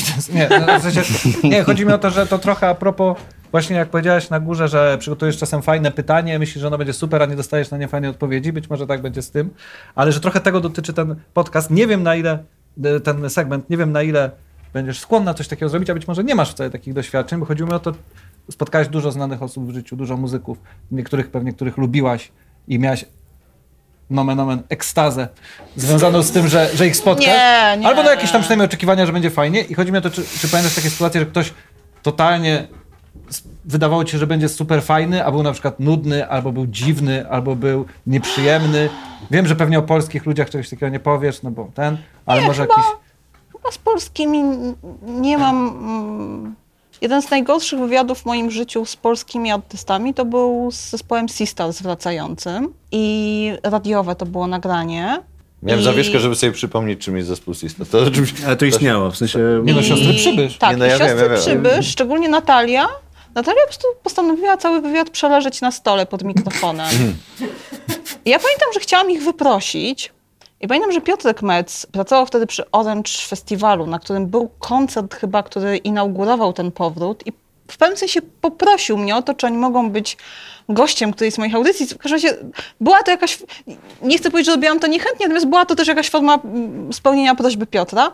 I myślę, że dlatego ich nie wyprosiłam, bo to było niewiarygodne. To było, zadawałam jakieś pytanie i Natalia zaczynała odpowiedź od no nie wiem. I Bartek to wszystko ratował i pociągnął cały wywiad. Ja pamiętam, że pomyślałam sobie, że zwariowałam chyba i skończyłam nagranie, pożegnałam się z nimi i podeszłam do realizatorki. I pani Ewa powiedziała, że w życiu czegoś takiego nie widziała, więc jakby więc byłam spokojna, że, że, że, że mi się nie wydawało. I i super, że to jest jakby totalnie za nami. Nie wiem, wywiad z Natalią do rzeczy ulubionych jest jednym z najfajniejszych odcinków całego cyklu, ten z zeszłego roku, więc e, to jakby no hard feelings tutaj i, i tak jeszcze się dzieją i mamy też różne dni i, i, i tak dalej. Więc wydaje mi się, że ja chyba z polskimi artystami niespecjalnie mam jakieś... Ale właśnie nawet nie chodzi mi o to, że był zły wywiad na przykład, tylko że miałaś jakieś wyobrażenie, że ktoś jest jakimś człowiekiem, Wiem. bo robi fajną twórczość, a się okazuje na przykład, że jest jakiś taki To nie wiem, chyba, wiesz odpychający co, czy tego dziwny. typu, tego typu dość... Ja w ogóle mam, mam jakieś przedziwne szczęście do artystów i mam super, super w ogóle doświadczenia, relacje, super wywiady, super, w ogóle ileś wywiadów kończyło się potem, nie wiem, alkoholem, seksem, przyjaźnią, związkiem i... Kurczę, mogłem inne pytania. E, z, z, i, Z kim seks był Małżeństw- najbardziej rozczarowujący? małżeństwem, rozwodem, Dokładnie, małżeństwem, rozwodem, dramatami wspólnym nagrobkiem. i tak dalej. Okazuje się, że z Salim Natomiast- Dr. Queen był Natomiast wydaje mi się, że to rozczarowanie, o które pytasz na przykład w moim życiu, już konkretnie w moim przypadku, bardziej na przykład dotyczy radiowców, których uwielbiałam słuchać. Okazywali, okazywali się wcale nie tak fajnymi ludźmi. Więc znaczy na przykład tutaj miałam takie zdarzenie, które czasem było w ogóle ło, jak, jak różna może być w ogóle persona.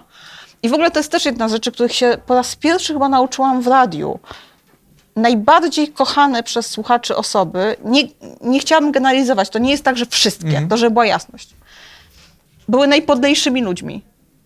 A z kolei osoby, które miały tak, taki bardzo podzielony elektorat, to byli najfajniejsi ludzie, jakich można sobie wyobrazić. Zawsze mnie to bardzo ciekawiło, jak to się, ja- jakie to jest to przełożenie, jakby na czym tu polega magia eteru, że, że, że, że, że, w różnych zachodzi, branżach też jest podobnie. zachodzi A, ten byłem czar. rozczarowany po rozmowie z matką Teresą bardzo. okropna osoba. Okropna osoba. Straszne, że ukradła ci 20 zł, nie? Tak, tak. W ogóle nagle nie ma. Skrzynka, świnka skarbonka stłuczona. Nie, ale, ale było coś takiego, że ona była tak sfokusowana na to pomaganie. Tak. Tak po prostu... Weź. O. E, A zatem, czy, czy ty uważasz, że twoja, czy masz, pers, masz personę publiczną i to jest trochę ktoś inny niż ty prywatnie? Kiwam głową. E, Radio, radio nie lubi gestów, w sensie, których, których nie słychać.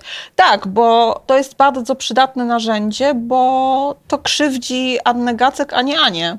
Więc to, że ktoś napisze coś złego Annie Gacek, czy cokolwiek, to jakby to jest, to jest ktoś inny, to nie jestem ja. Oczywiście wiadomo, że to jestem ja, ale stworzenie sobie pewnych form muru czy granicy, ja wiem, że nie każdy tego potrzebuje i nie każdy to robi. E, Wybaczcie skalę porównania. Chodzi mi tylko o to, że jest to wywiad z ostatniego piątku, więc jest świeży, więc tylko w tym sensie porównuję i żeby to było jasne. Ale Adelu Grajana Nortona mówiła właśnie w piątek o tym, że ona już jest zmęczona tym, że są te dwie kobiety, które nie mają z sobą nic wspólnego, Adel publiczny i Adel prywatny. Ona chce trochę te światy zbliżyć, żeby nie żyć w tej ciągłej kontroli, że to jest zostawione do tego świata, to jest zostawione do tego. A ja właśnie e, chyba jednak nie będę chciała tego, tego, tego zbliżyć. Tak jak E, Tom Cruise bardziej. Tak, tylko z innych powodów. Z innych powodów. Ja mam świadomość i poczucie tego, ile, ile tracę. Po odejściu z radia było tyle jakichś przedziwnych propozycji. Pokazania domu, faceta, kuchni, segmentu kulinarnego, szafy. E, jakichś przedziwnych jakichś w ogóle rzeczy i pomysłów.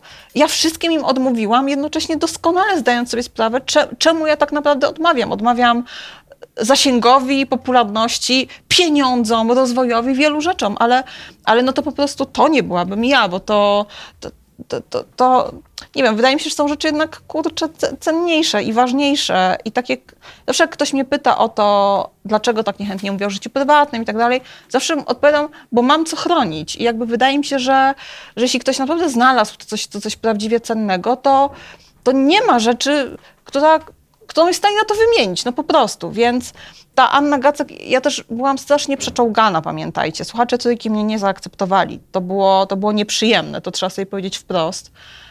Bo maile o pisowskiej kurwie to jest jakby ostatni rozdział życia mojego radiowego, ale pierwszy to był taki, że nie zasługuję na to, by siedzieć przed tym mikrofonem, mam wadę wymowy. I to nie zawsze było w takiej formie, jakiej wam w tej chwili przekazałam. I wyobraźcie sobie sytuację, Pamiętam ją doskonale. Przywiozłam jakiś wywiad, o który walczyłam kilka miesięcy. Zapłaciłam sama za, za samolot, za hotel, za wszystko, dostając za tę audycję 200 zł. I pamiętam, że strasznie się napracowałam przy montażu, przy tłumaczeniu, przy wszystkim. I pamiętam, że w trakcie prezentacji tego wywiadu ktoś napisał jakiegoś wyjątkowo paskudnego i wstrętnego maila. I pamiętam, że to taki moment, że poczułam, że ja nie, nie mam, że ja już nie chcę. W sensie, że ja mam dość, że wzbudzanie w sobie wysiłku, bo być jednak pogodnym na antenie, być profesjonalnym i tak dalej, jest, jest nie wolno sobie tego robić. Po prostu nie. We mnie wszystko chciało powiedzieć ty chuju. Po prostu wszystko. I to był jakiś gigantyczny wysiłek, żeby tego nie zrobić na antenie. I takich sytuacji były setki. No, ale to jest jak z tym Nowym Jorkiem, że jednak, y, żeby pozytywnie wyciągnąć, też chciałaś już zawracać, a nie zawróciłaś. A nie No zawróciłam, ja rzuciłaś nigdy nie zawracam, e, ale, ale to, było, to była naprawdę, to była szkoła życia, która nauczyła mnie tego, że ja muszę w sobie coś wytworzyć, jakiś mechanizm, bo ja tego po prostu nie przetrwam. E, To było też gnębienie ze strony niektórych dyrektorów, niektórych kierowników. Tego było mnóstwo, bo zawsze mieli argument, dlaczego ma mi się nie udać. Argument, z którym ja niespecjalnie mogłam polemizować. Jest ta wada wymowy, ona jest. Więc No, ona się trochę stała twoim znakiem rozpoznawczym, nie? oczywiście, ale... Takim, w takim dobrym sensie. Ale, ale, ale co, co napsuła mi krwi i także czasem zdrowia, to tylko ja wiem tak naprawdę. E, Ale tak jak mówię, e, jakimś produktem pobocznym te, te, tego, tego często cierpienia po prostu było to, że no zac- zaczynasz budować pierwszą warstwę, drugą warstwę, trzecią warstwę i każdą kolejną, no żeby jakoś funkcjonować, żeby po prostu kolejnego dnia powiedzieć dzień dobry, nazywam się Anna Gacek, zapraszam na te i te audycje, albo dzień dobry, mam dzisiaj dla Państwa i tak dalej, i tak dalej. Więc e, finalnie to, to, to po prostu po, powstała z tego jakoś nowa postać, która absolutnie jest mną, jest w 100% szczera. No ale no wiecie, no jest coś na rzeczy, że jestem super aktywna na moim Instagramie i tak dalej, ale prywatnie nie mam żadnego z tych kont. Ja w ogóle tam nie jestem, mnie tam nie ma. Jakby to nie jestem ja, to nie jest, to nie jest moje życie, więc no... A em, są takie sytuacje, kiedy ty, fanka, wielka fanka, spotykasz się e, zawodowo z artystą i, i czy tu masz problem z, nie wiem, byciem profesjonalistką? Nie. Ja, jakoś dziwnie udało mi się. em, ja w ogóle jakoś zawsze sobie kleiłam to słowo fan i fanatyk. I zawsze wydawało mi się, że ja nie lubię słowa fan. Staram się go w ogóle nie używać w odniesieniu do siebie. Jak słyszę, że jestem fanem kogoś, to ja już tak od razu jestem trochę.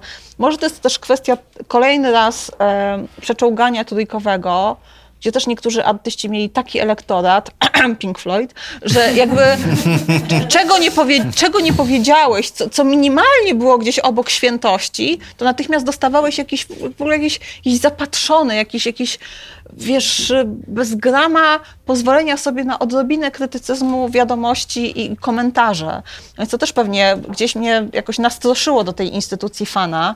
Natomiast faktycznie zdarzały się wywiady, kiedy, kiedy, mm, ten poziom czy ekscytacji, czy stresu był nadzwyczajnie wysoki, ale wydaje mi się, że ja chyba nigdy w życiu w ogóle nie pozwoliłam sobie na zaczęcie rozmowy od jestem twoją wielką fanką, albo jakby nie, nie w tym upatrywałam tego, co definiuje profesjonalizm i, i też jakieś oddanie sprawie. To znaczy, to, że byłam rzeczywiście, czy jestem czyjąś fanką, pomagało raczej w tym, że na przykład, nie wiem, wiedziałam tak wiele, że wiedziałam, że to będzie w jakimś sensie ciekawszy czy, czy lepszy Miałaś wywiad. dużo researchu już Dużo, dzień dobry. dokładnie tak. I to takiego researchu, którego do końca nie odrobisz, bo on jest jakby, bo on jest, bo nie wiem, bo byłeś na trasie tej czy tej 6 lat temu, albo byłeś na pierwszym koncercie, albo na zamkniętym, albo z Albo orkiestrą, albo cokolwiek drogę. jakby i masz, więc ktoś też, kiedy opowiadasz o tych rzeczach typu widziałam cię wtedy i wtedy, to też natychmiast łapie klimat, że jakby, że wie i tak dalej i tak się też ten, ten cudowny flow zaczyna wtedy tworzyć. To też, nie wiem, pomagało, że ja po prostu cały czas jeździłam po świecie e, na, na różne koncerty, e, I więc cały ja też, ten Pink Floyd, tak? więc jakby, tak. Ciekawe, Pink Floyd i Pinky. No, Prawda? nazwy. Przypadek? Są na dwóch Nie osiach. sądzimy. I e, więc e, przez to, że ciągle jeździłam, ja bardzo wielu artystów widziałam bardzo wcześnie, więc też jakby po, i też często wcześniej z nimi rozmawiałam, więc też to, ta więź, która była od początków, kiedy to wszystko jeszcze nie było takie wielkie i takie ten, to też jest coś, co, co po- potrafiło potem procentować w kolejnych rozmowach i, i, i tak dalej. Wydaje mi się, że taki moment u mnie krytyczny, kiedy to się jakoś ustanowiło jako super profesjonalne, to moment wywiadu z The Strokes, kiedy wydawali trzecią płytę. I, no i to był taki moment, kiedy to, 2005 rok, kiedy to było jasne, że to jest właściwie największy zespół z tej fali nowej rockowej rewolucji, więc gigantyczne pieniądze na promocję i wszystko. I polskie media dostały kilka wywiadów e, w Berlinie, ale oczywiście wywiad z wokalistą dostała Anna. I e, ja nie znosiłam takich wywiadów zagranicznych, na które jechała ekipa. Bo to było tak, że niby się wszyscy trzymają, niby się wszyscy lubią, nikt się z nikim oczywiście nie lubi, ale trzeba chodzić po mieście. Później nauczyłam się już asertywności, żeby tego nie robić, ale w tych pierwszych latach jeszcze... No i właśnie jesteśmy wszyscy w tym hotelu, czekamy, aż nas zawołają na nasze poszczególne wywiady i okazuje się, że wywiady są opóźnione. I one są tak opóźnione, że już ani, ani iść, ani zostać. No już nie wiadomo, co z sobą zrobić. I zostaliśmy w tym hotelu. Był grudzień, też zimno. I pamiętam taką scenę, opóźnienie około godziny powiedzmy, że Stroksów jest piątka, czyli było czterech pozostałych dziennikarzy. I pamiętam taką scenę, że oni siedzą na kanapie w tym pięciogwiazdkowym hotelu i rozmawiają o kompletnie niczym, absolutnie nie o Stroksach, nie o muzyce, nie o tych wywiadach, nie w ogóle nie, nie o... A ja chodzę w kółko tej kanapy, tego stolika i dwóch foteli, bo jestem tak zdenerwowana przed tym wywiadem. W kółko po prostu, przez godzinę. W kółko, nie usiadłam nawet na minutę. I pamiętam, że pomyślałam sobie, ty, coś jakoś tak robisz? Ale potem pomyślałam też sobie, że została mi z tego wywiadu naprawdę cudowna scena oraz najgorsze zdjęcie z muzykiem, jakie mam w życiu, a propos zdjęć. Została mi też z tego wywiadu taka scena, która e, rzeczywiście została mi na, na zawsze. E, bo zaczęliśmy wywiad o tej samej porze, każdy miał swoje 20 minut. I Strokesi, i to były ostatnie wywiady tego dnia zespołu. Jechali gdzieś na jakiegoś studia telewizyjnego na, na nagranie. I pamiętam ten moment, to jest też story of my life. Dla mnie zawsze brakuje miejsca, żeby przeprowadzić wywiad. Z niektórymi rozmawiałam na schodach, z niektórymi na parkingu w ogóle. I z Julianem rozmawialiśmy w ogóle na piętrze pięciogwiazdkowego hotelu na takich dwóch wielkich skórzanych fotelach, bo nie było dla nas nagle żadnego z wynajętych na, na potrzeby wywiadów pomieszczeń. I, I rozmawiamy, i rozmawiamy, rozmawiamy. Jules do tego uchodzi za super trudnego rozmówcę. Naprawdę za mruka, za w ogóle za osobę, która nie lubi i nie czuje, nie ma żadnej potrzeby rozmawiania i dzielenia się sobą. I pamiętam, że którymś momencie podnoszę głowę, a nade mną stoi czwórka pozostałych strokesów. Oni wyglądają trochę jak postaci z South Parku, bo wszyscy mają takie jakieś takie puchówki wielkie. Było zimno jak diabli, pamiętam. I już dawno skończyli swoje wywiady i czekają na Julesa, żeby już też skończył ten wywiad i do nich dołączył. I to myślałam sobie, ej, już dawno minęło te przepisowe 20 minut, my sobie gadamy. I jakby, i wtedy też sobie jakoś ułożyłam, że tak, ty będziesz trochę dziwna w tych swoich wywiadach i to będzie trochę inne niż to, co oni robią, ale to jest twoja największa siła i w ogóle, i nie trać tego, nie kwestionuj tego, chodź wokół tych stołów i, i po prostu go for it, girl, bo ch- chyba chcą z tobą rozmawiać. To jest w ogóle najlepsza recenzja, jaką możesz mieć tego, tego co robisz, więc, więc tak.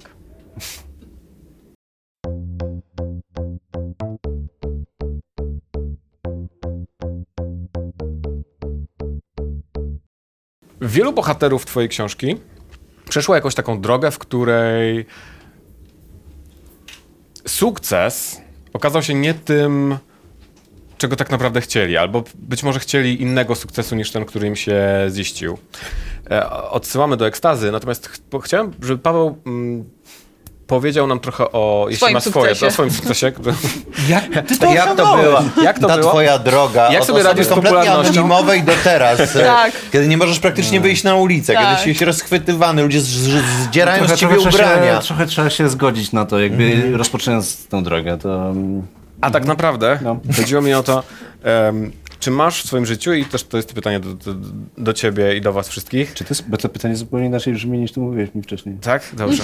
To ja powiem, dobrze, to powiem jak ja No uważam, mów, a potem możesz powiedzieć e, tak, jak e, ty myślisz, że Ja chciałbym się nie zapytać. przygotowałem, ale więc Dobrze, nie ma to tym bardziej. Chyba. Mówię o rzeczach, które były twoją zajawką, a potem stały się bardzo popularne. Coś, co było niszowe, weszło w mainstream, tak jak w przypadku wielu zjawisk, o których Anna pisze w książce.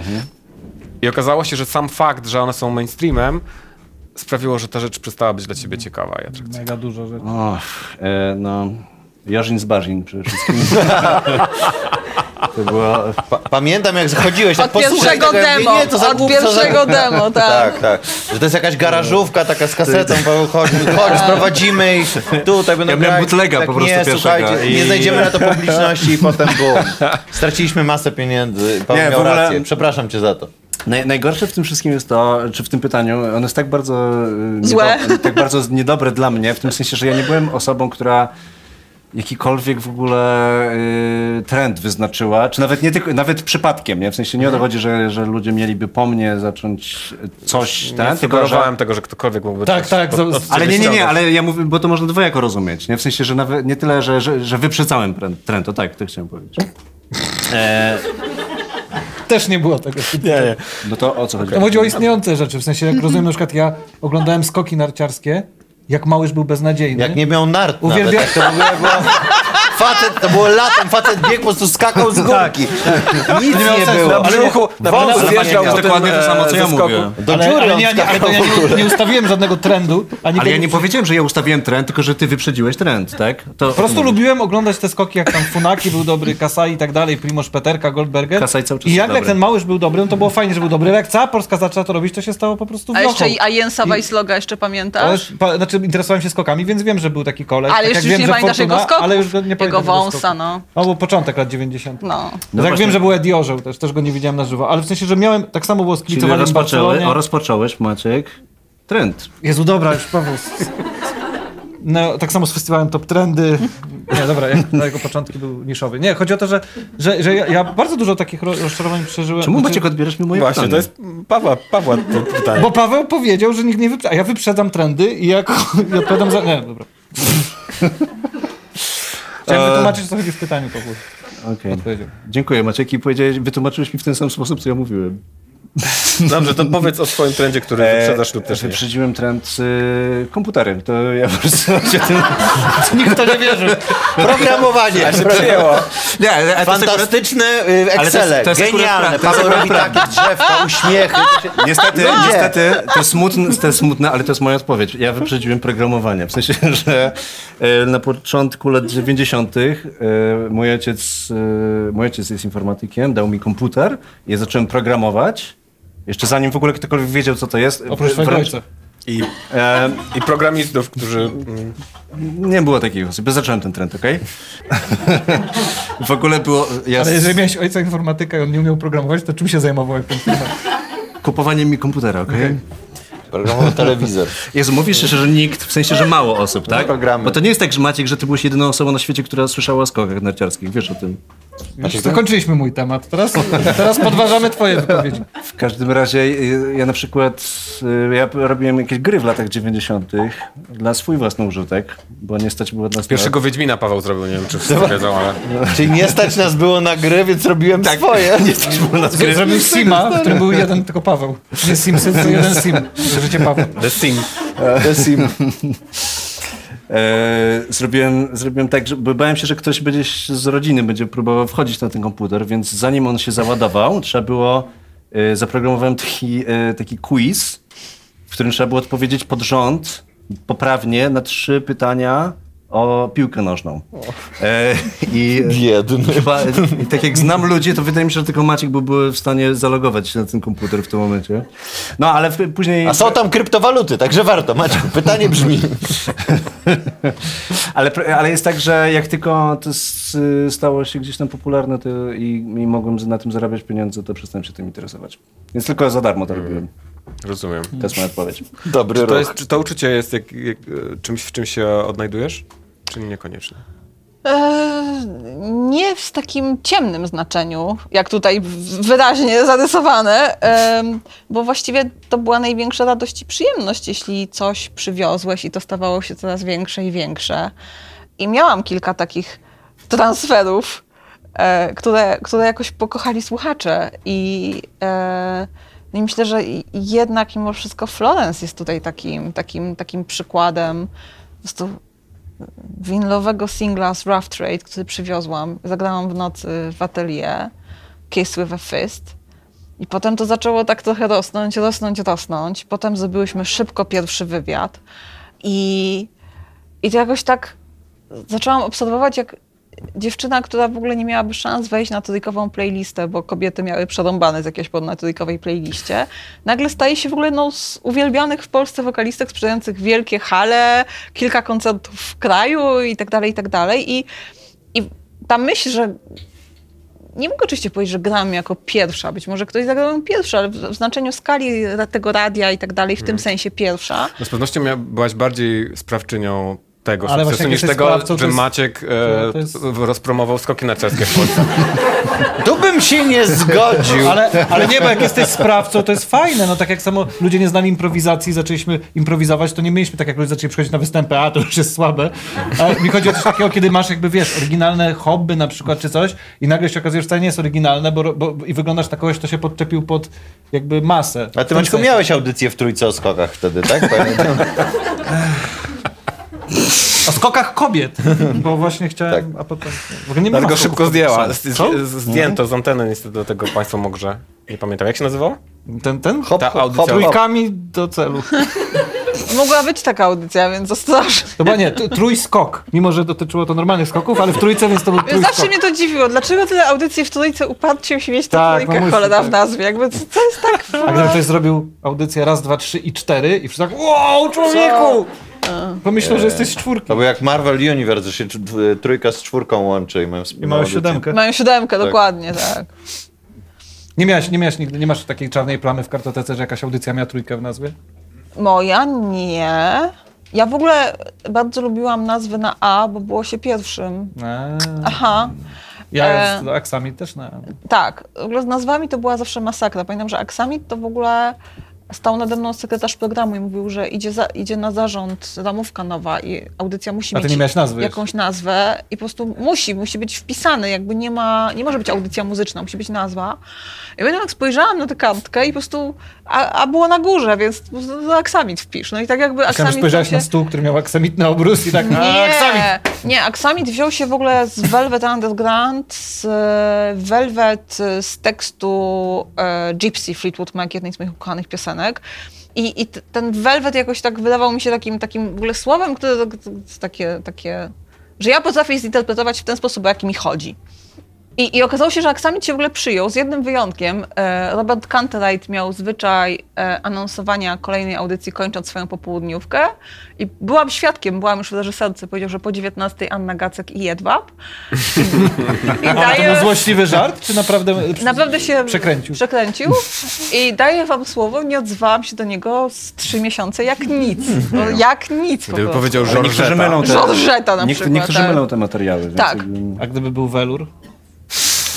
Sztruk? Przyjemniej, bo to, to A, na Gacek Sztruks. Nie, to najgorzej, to najgorzej. ale bliżej tego Bawełna. misia, o którym rozmawialiśmy Tak. wcześniej w kontekście blues. Tak, więc, e, więc, więc te nazwy to zawsze było. Zresztą nie jest tajemnicą, że nazwa Ekstaza, powiedzieć, że przyszła w, tytuł Ekstaza przyszedł w ostatnim momencie, to jest jakby nie oddanie sprawi- sprawiedliwości ostatniemu momentowi po prostu. To już był taki, no, to się już trzeba było po prostu wpisać Tam, w tam w pewne... tłoczni ludzie z takimi tymi literkami, wiecie, Pewne- czekają pewne rozważenie. Zaraz, zaraz się stopi. Trzeba, I ja Jak dosłownie, jak ty wyobrażasz słuchajcie? Tak się książki... No, są takie, są takie kloce z literkami i one... Mężczyźni z młotami Oglądałem w kształcie program, jak liter. druk powstał. Są takie bloki z literami i one odciskają się pod bardzo wysokiej temperaturze. Na, sk- na, papierze. na skórze. Na Nie, są skórze. ludzie z takimi ry, rydlami i po prostu... tak. No tak też można. To jak są w twardej oprawie. I po prostu otworzyłam słownik synonimów i usiadłam i póki nie znalazłam, to siedziałam, no, po prostu, więc y, to, to, to, ale to nie było łatwe. A wiedziałaś, że to będzie jedno słowo? Tak, Było założenie? tak. Znałaś kategorię? Były jakieś, liter, były jakieś literki? I tak, i tak. Jaka była nagroda? A ile kosztowały samogłoski? Popro, da się, poprosiłam samogłoski i, i po prostu póki nie, to słowo nie, nie, nie, nie A do padło. czego szukałeś synonimów? Do stanów emocjonalnych. E, do stanów emocjonalnych, które były jakoś dobre, ale z twistem. Jakby generalnie to trochę tak jak z tym aksamitem, że to jest miły materiał, niby, i w ogóle wszystko fajnie, ale na przykład Velvet Underground to nie jest do końca miła i bezpieczna muzyka, więc jakby Czyli ekstaza przyjemna, ale trochę szalona. E, Niebezpieczna, Niebezpieczna. niebezpieczna, tak. To raczej, bo rzeczywiście ten, ten aspekt e, słownikowej definicji ekstazy, czyli to zatracenie się w rzeczywistości, no to już jakby trochę idzie w narkotyki, w, w różne rzeczy i to, i to też oddawało tę ciemną stronę tej książki, więc wiedziałam, że to jest to słowo, tylko no czasem tak niestety z nimi jest, że, że ono po prostu czeka na ciebie i nie przyspieszysz tego, choćbyś nie wiem jak chciał i choćbyś nie wiem jak, jak myślał. No kurczę, no roboczy tytuł tej, e, tej książki to były Cudowne lata, nie w znaczeniu, że kiedykolwiek traktowałam, że to będzie tytuł, nigdy. Natomiast na przykład coś trzeba było wpisać w umowę, książka nie mogła mieć tytułu X i ponieważ wtedy zupełnie sobie rozważałam, czy wątek Cudownych lat ma w jakimkolwiek sensie pojawić się z końcówka lat 80. A w sensie tego tego serialu? Serialu. A on się w jakim mieście dział swoją drogą? W suburbii jakiejś anonimowej. A właśnie ciekawe, czy anonimowej, Bo ja czy nie, nie. pamiętam zupełnie. Bo ja próbowałam sobie przypomnieć, czy Alf był w mieście, bo Alf był w Kalifornii moim zdaniem. I cudowne lata chyba też były w Kalifornii. Tam zawsze było ciepło. Zawsze nie, było ciepło, była- tak. Więc, więc, więc po prostu były to cudowne lata. Długo takim też roboczym, który wiedziałam, że nigdy nie będzie prawdziwym tytułem, były, były Dzieci we mgle, bo muzycy YouTube opisali tak siebie w czasie sesji nagraniowych Actung Baby, że przez to, że nic tam nie wychodziło, byli jak dzieci we mgle. A z kolei jakoś w punkcie widokowym siedzenia i pisania książki miałam poniedziałkowe dzieci Patti Smith.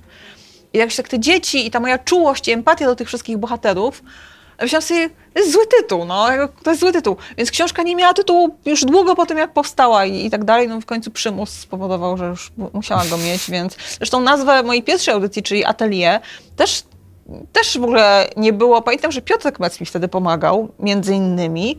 Pamiętam, Piotrek przysłał mi listę propozycji i tak czytałam się sobie...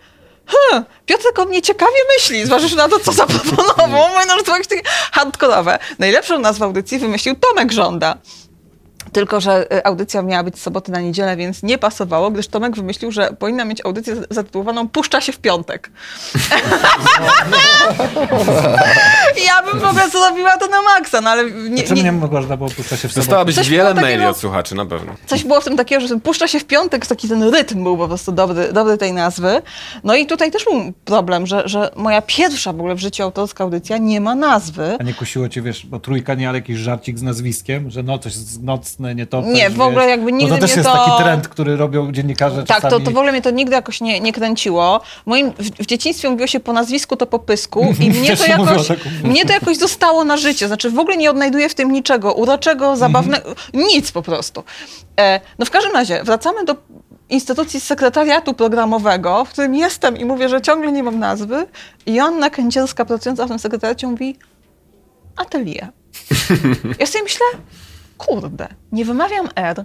Jest nieme R w atelier. To jest ta nazwa. Kurwa, to jest ta nazwa po prostu. I, i, Anna po prostu w 30 sekund wymyśliła coś, nad czym siedziałam pewnie miesiąc czy, czy ileś.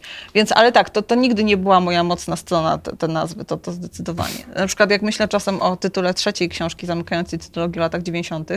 i nic nie przychodzi mi do głowy, szczególnie, że druga jest takim ładnym rozwinięciem pierwszej i, i, i rozwinięcia drugiej nie mam w ogóle. Myślę sobie, uuu, będzie znowu męka, no. Ale to za dwa lata, Jeszcze czas. tak. Jak się zapewne zdążyłeś zorientować, y, uwielbiamy mówić o sobie, więc y, stałym punktem tego podcastu jest pytanie gościa do nas. Tak. I to jest ten moment. Jeśli chcesz y, pytanie, które mi zdradziłaś wcześniej, to możemy. Tak. Jeśli coś w tej rozmowie cię zainspirowało do tego, żeby zmienić, to zapraszam. Wszystko jedno. Czy chciałam powiedzieć, że kosmos dał mi sygnał, że to musi być to pytanie, gdyż jakby niechcący pojawił się wątek białych butów, raz jeszcze nabytych, nie przeze mnie. Ale ponieważ rzeczywiście wczoraj pierwszy raz w życiu kupiłam białe kozaki i jestem nimi totalnie w ogóle zachwycona i spojrzałam na nie, kiedy je założyłam i to był jeden z tych momentów, które czasem chłopcy nie rozumiecie. Czasem ma kobieta, kiedy zakłada się i myślę, where have you been all my life? Po prostu nagle wszystko się zgadza. I Ja to rozumiem. Rozumiesz, dziękuję. I dotarło do mnie, że jest to dość kontrowersyjny jednak element garderoby. I jestem ciekawa waszego zdania na temat białych kozaków. Ja y, najpierw otworzę pytanie do publiczności. Proszę Państwa, jeśli są Państwo na tak, to proszę zrobić duży hałas. Białe kozaki. E, widzę, Mieszane że- reakcje. 60. Tak, mniej Mieszane więcej jest, reakcje. jest pół na pół. E, Jest z nami pani Beata Kozidrak, zapraszam.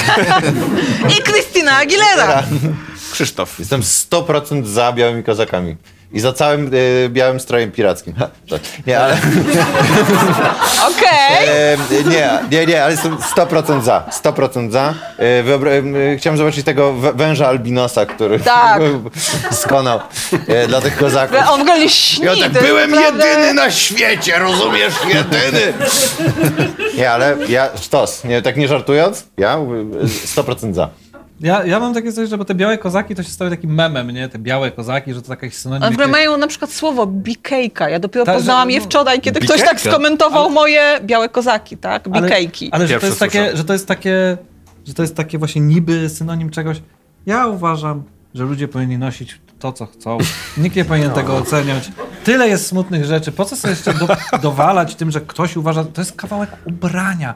W sensie ubrania. Przypomnij, ile czasu spędziłeś rozkminiając swój ostatni zakup butów? Mówię o idealnym świecie. Że nie A, mówię o tym, że ludzie nie powinni innych, a to, że ja siebie Może oceniam... zdradźmy, bo teraz jesteśmy trochę Tak. w wsobnej To- historii. Tak, Opowiedz, co zdradźmy. się przed chwilą zdarzyło na górze, Właśnie. kiedy rozmawialiśmy o białych kozakach. Kupiłem sobie nowe buty do grania w piłkę. Mam Białe? Mam dużą stopę. I nie zawsze znajdę rozmiar. Plus to bo takie buty muszą być wygodne. Przymierzałem różne buty, żadne nie były wygodne. W końcu pan przyniósł takie trochę... No Białe. takie bardzo designerskie, takie stworzone dla jednego z piłkarzy, całe białe, gładkie. Proszę Państwa, dzisiaj Okazało się, że są- porównaliśmy te, te Okazało się, że są bardzo wygodne. No i miałem wyrzuty sumienia, czy one nie są zbyt mm, em, przylansowane, czy nie są za drogie, ale postanowiłem, że sobie je kupię, kupiłem to z, pół dnia wyrzutami sumienia. E, Ale, ale ja nie mówię o, o tym, że ja tak uważam, bo ja tak nie uważam o sobie. Mówię, że ludzie tak powinni uważać normalnie o innych ludziach, że powinni sobie dawać, bo, bo jedna z rzeczy, która mnie najbardziej chyba tak martwi, że ktoś może w ogóle, i jak jedziesz za granicę do takiego Nowego Jorku i jedziesz metrem i jakiś koleś jest w sukience, w Tak. baletnicy i masz takie, o nikogo, a w Polsce założysz, kurde, różowe dresy i, to, i myślisz sobie, to jest kawał szmaty, jakie to ma znaczenie, Boże, wszyscy umrzemy, A, to chyba znowu mamy problemy. za daleko, a kiedy mówisz, że to, No nie, ale chodzi... że to, że to nie jest bez znaczenia. To nie jest, za, to nie jest za daleko. Chodzi mi o to, że ja... Czyli oni popieram- zakładają to ze smutku, że moim zdaniem, przed śmiercią. moim zdaniem tak? dyskusja, czy białe kozaki, a niech białe, a niech kurde pomarańczowe, a niech kurde buty w kształcie grzybów. Kozaki, grzyby. To Nie, nie, nie, tu poszedłeś, tu poszedłeś za Wiesz, daleko. kozak to jest granica. Ja uważam, że naprawdę niech ludzie chodzą w czym chcą po prostu. I kurde, i naprawdę czasami uważam, że na przykład takie y, y, ludzie od mody, którzy są tacy brutalni, spokojnie, no, ktoś się w tym dobrze czuje, niech chce w tym chodzi i Miałeś taki, koniec. miałeś taki sen, żeby ludzie... Dlaczego sen? O co chodzi? Nie no, bo przemawiasz jak Martin Luther King po prostu. Widzisz, wszystko można wyśmiać. Prze- Przesyłam dobrą wiadomość, ciepłą, kojącą do świata. Jak świat reaguje? To samo, To, samo Jezusa spotkało. To samo spotkało Jezusa, Martina Luthera Kinga. Kopernika. Kopernika. Ktoś mówi coś do... Ej, ludzie, kochajcie się. Be, na krzyż go. Ej, akceptujmy swoje upiory. O, bo kurde, Ukrzyżowanie Martin Kopernika było jedną z najtragiczniejszych rzeczy. Tak, bo, bo nie przewidzieli, że Ziemia się... Jak spalili Jezusa też, o Jezu, to było Czyli przybić Kopernika do słońca. masakra. Dobra, nieważne. Ja się nie odzywam, ponieważ po prostu człowiek trochę chce być dobry, to teraz zostaje wyśmiany. Tak, Ale e, kosmos rzeczywiście jakoś zadziałał, bo kiedy e, no kosmos Maciek zadziałał, wyjął e, pół godziny temu, no godzinę już pewnie, w- ty temu te, te swoje nowe białe korki i zestawione z tymi e, kozakami Wydały się bardzo Anny, zwykłe. wyglądały, nie, właśnie to, A. to wygląda jak komplet moim Komplet, zdaniem. absolutnie. Rodzeństwo czy partnerstwo? Czyli twoje mają jeszcze wbudowaną skarpetkę, chciałam zauważyć, więc są... Ale to na wypadek, jakby mi stopy krwawiły, żeby... Od razu było widać. tak, tak. Żeby te oleje... Ja nie mam szczególnych jakichś chyba skojarzeń. Mi się kojarzą te białe kozaki z reklamą e, Mumio. Białych kozaków? Nie, to, to, to, było- to, jako mem to zaistniało chyba u mnie, w mojej świadomości wtedy, kiedy były reklamy Mumio z Plusa i tam był, jedna z nich miała taki, tak jak była z kopytkiem, to była też jakaś z białym kozaczkiem. Piosenka chyba to jest- była dis, jakaś disco polo, to, mi się, to mi się Jezu, zaraz je kojarzyło, zdejmę, jak ale- jeszcze chwilę. Nie, ale w, moim zdaniem wyglądają fenomenalnie i są wygodne. Czyli Nie ma, to nie jest ich zadanie. to tak jak, Cin- jak, jak Cindy mówi w ekstazie, że jeśli modelki się nie pyta o to, czy jest jej wygodnie na sesji, jeśli nie zemdlała, to jest jej wygodnie. Jakby tak samo jest z butami. Rozumiem. Mm, Jestem tu z wami, więc... Czy Ferrari się dobrze jeździ po Warszawie? O, Po Nigdy- co zadawać nigdy- takie pytanie? Nigdy się nie dowiemy. Nigdy się... Ja jestem absolutnie przeciwny. e, Uważam, że to jest skandal, nie powinno się takich rzeczy robić. Są jakieś granice na tym Bo ty świecie. proponowałeś umundurowanie dla wszystkich, jedno, jedno Ja uważam, e, tak, tak. W ogóle rezygnacja z mundurków szkolnych, w ogóle tak poza szkołą, to był fatalny błąd. Ale że łączenie stylu casual z militarnym, to jest gdzieś twoja wizja, tak? To jest moja wizja, tak, tak, tak. Nie, Czyli ale gdyby tak, te kozaki były w y, Moro, okej. Moro, kozaki są jak najbardziej okej, no bo w razie wojny, nawet w kozakach trzeba się jakoś zakamuflować. I to jest, e, Na przykład można A, a wskoczyć... wojna i kozak... Dobra, nie masz. za porażem. E, nie, w, tak, ja tak uczciwie to uważam, że czy, nie ma chyba takiego złego koloru butów. Uważam, że buty są kontekstowe w stosunku do reszty ubrania. E, ale ostatnio wykminiłem, że chyba, ponieważ e, buty są droższe niż inne części ubrania, wydaje mi się tak chyba statystycznie, powinno się kupować buty, które są wygodne, I dobierać- czym iść do stylisty i mówię, powiedzieć, proszę dobrać mi coś do tego. I od dołu po prostu kolorystycznie Najdo- najdroższe są Zapraszamy diademy. Zapraszamy też Państwa na nasz nowy modowy podcast, który będzie spin-offem tego podcastu. Tak. Że nikt e, tak jak my nie powinien, e, nie, nie, nie będzie mógł e, z, taką, z takim znawstwem opowiadać o modzie. Tak, tak. Jeżeli ktoś coś wie o modzie i chce się od, odwiedzieć, to zapraszamy na nasz podcast.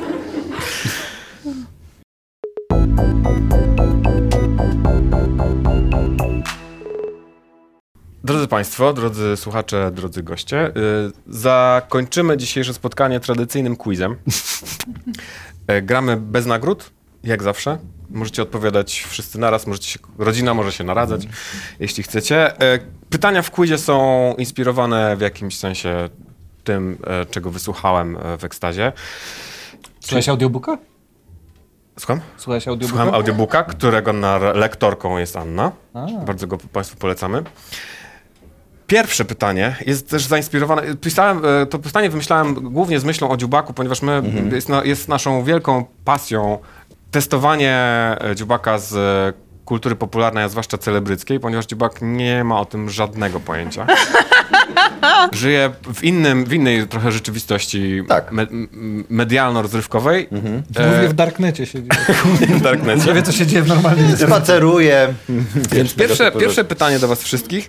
Która z tych osób nie jest polską wokalistką? Uwaga. I przeczytam wam takie nazwiska lub pseudonimy. Dagmara Domińczyk, Lan Berry, Honorata Skarbek, Kasia Popowska, Sarsa i Sepsa. Dagmara Dominczyk jest aktorką. Czy to są nazwy? Amerykańską. W sukcesji na przykład gra. Tak, faktycznie. A sepsa Bardzo to dobrze. choroba. Bardzo dobrze. A reszta to są wokalistki polskie. Jedną, Nie słyszałem o żadnej. Czy kto... Właśnie chciałem zapytać. ja o Ja, wszystkich ja, słyszałem. ja, ja też żadnej nie słyszałem, szczerze mówiąc. Jedna pracowała kiedyś w Osirze w ogóle, na tamce.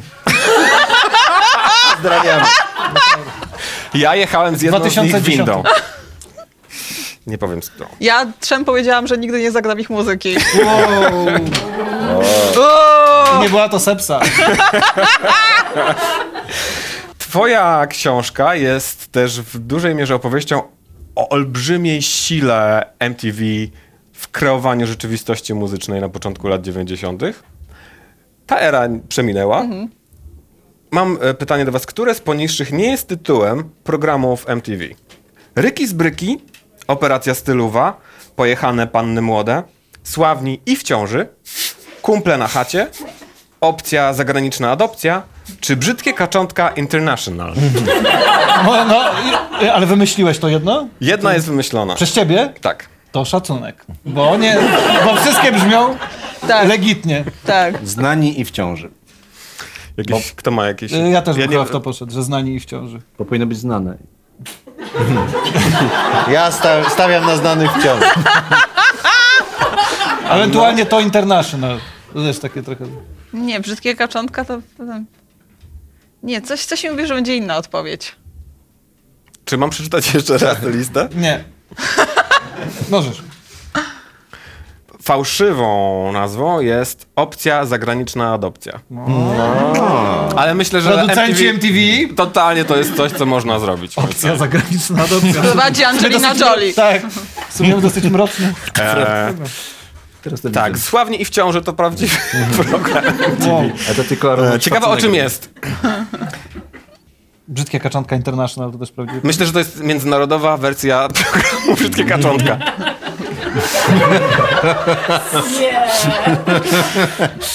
Dobrze. następne pytanie jest bardziej otwarte. E, chciałbym, żebyście dokończyli cytaty e, z kilku bohaterów e, ekstazy. Pierwszy cy- cytat z Bono.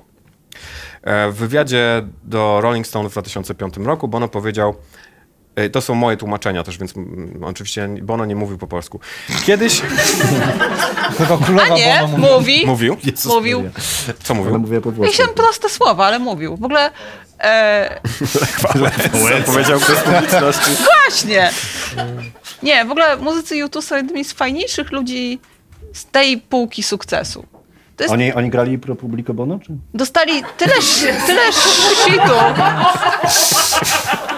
Dostali tyle shitu w życiu od, od mediów za bycie właśnie tymi takimi gwiazdami rocka i tak dalej. Są jednymi z fajniejszych ludzi. To też właśnie wracając do tego, jak, jak różna jest opinia i jak różny jest człowiek, to, Jak różna jest muzyka i różny człowiek.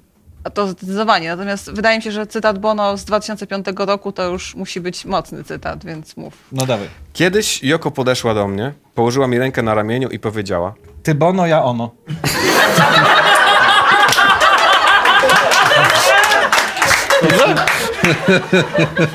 Nie, ale to byłoby lepsze. Grasz lepiej od Johna. Blisko? Ja też bym coś tak, tak, tak, tak, tak, no. Że John by kochał którąś płytę, muzy, piosenkę. Czekaj, John ale ty znasz byłby... ten cytat bez Nie, nie, A nie, on nie jest z 2005. książki. Nie, nie jest, 2005 to Moja, nie. moja odpowiedź to... Joko, nie, Joko powiedziała do Bono, jesteś synem Johna. To Bono bardzo się wzruszył. Powiedziała do Bona, jesteś E, synem wiem, że musimy kończyć, więc spieszę się, spieszę się bardzo, bardzo, bardzo. Madonna. Wszyscy myślą, że jestem totalną ninfomanką, że mam nieposkromiony apetyt na seks, podczas gdy tak naprawdę wolałabym... Siedzieć w domu i patrzeć na moją kolekcję kasztanów. Wrócić na cokół w kościele, tam skąd e, zacząłem swoją karierę. Jakiś strzał? Anna się zastanawia. Myślę, myślę, myślę, co Pauza. Madonna. Który rok? Masz, masz rok? Nie, o, nie, tutaj nie wynotowałam niestety. Bo to Madonna ma fazy po prostu, więc byłabym w stanie dopasować być może... E, no ostatnio na przykład ma fazę pretensjonalnych cytatów literackich, więc mogła być na przykład, że wolałaby czytać. Dokładnie, wolałabym przeczytać książkę. Anny Gacek? Anny Gacek? Może. Z całą pewnością. Mariah Carey. Wciąż potrafię na palcach jednej ręki policzyć? Mówiła w Palce. wywiadzie do... Swoich partnerów seksualnych. tak jest. O! Ale znałeś ten cytat, czy to, się- to było takie oczywiste? Nie, Maraja, ja kocham Maraję. Maraja jest moim zdaniem niedocenioną gwiazdą i jest prawdziwą diwą, taką prawdziwą, prawdziwą. Jestem wyznawczynią Marai, więc skojarzyłam, że Maraja się szczyci bardzo skromną liczbą partnerów, więc... Tak też było, tak powiedziała w wywiadzie do, w Marie Claire. E, pytanie e, ostatnie tego quizu. Mariah Claire. Czego mieszkańcy Seattle kupują najwięcej per capita ze wszystkich miast w Stanach Zjednoczonych? Leków na bezsenność. Nie. Ko koszul w kratach. Kawy? Nie, nie. Nie kawy? To jest zaskakujące Parasoli. pytanie. Poczekaj, poczekaj, zdaniem. poczekaj. W kontekście e, tego, co może nam się kojarzyć z Seattle po twojej książce, to jest coś zupełnie Czyli coś zupełnie innego. E, pa, e, pa. Tak jest! Wielkie brawa. Proszę Państwa, gość, gościnią codziennych trudności była Anna Gacek. Jejku, czekajcie, czekajcie, sama, sama, sobie, sama sobie klaskałam. Jaka Bardzo Zawsze, ogóle. zawsze trzeba sobie samą wstyd, klaskać. no. Jeśli, e, Nikt nie klaszcze. jeśli sami chcecie zobaczyć Klancyk na żywo, wejdźcie proszę na klancyk.pl i tam jest nasz repertuar. E, ocencie ten podcast, jeśli wasza może nie. aplikacja... Nie, ocencie moim zdaniem, było fajnie. Było fajnie, proszę Państwa? Też tak myślę. Bardzo dziękujemy, do usłyszenia. Super, dziękujemy, Państwu bardzo.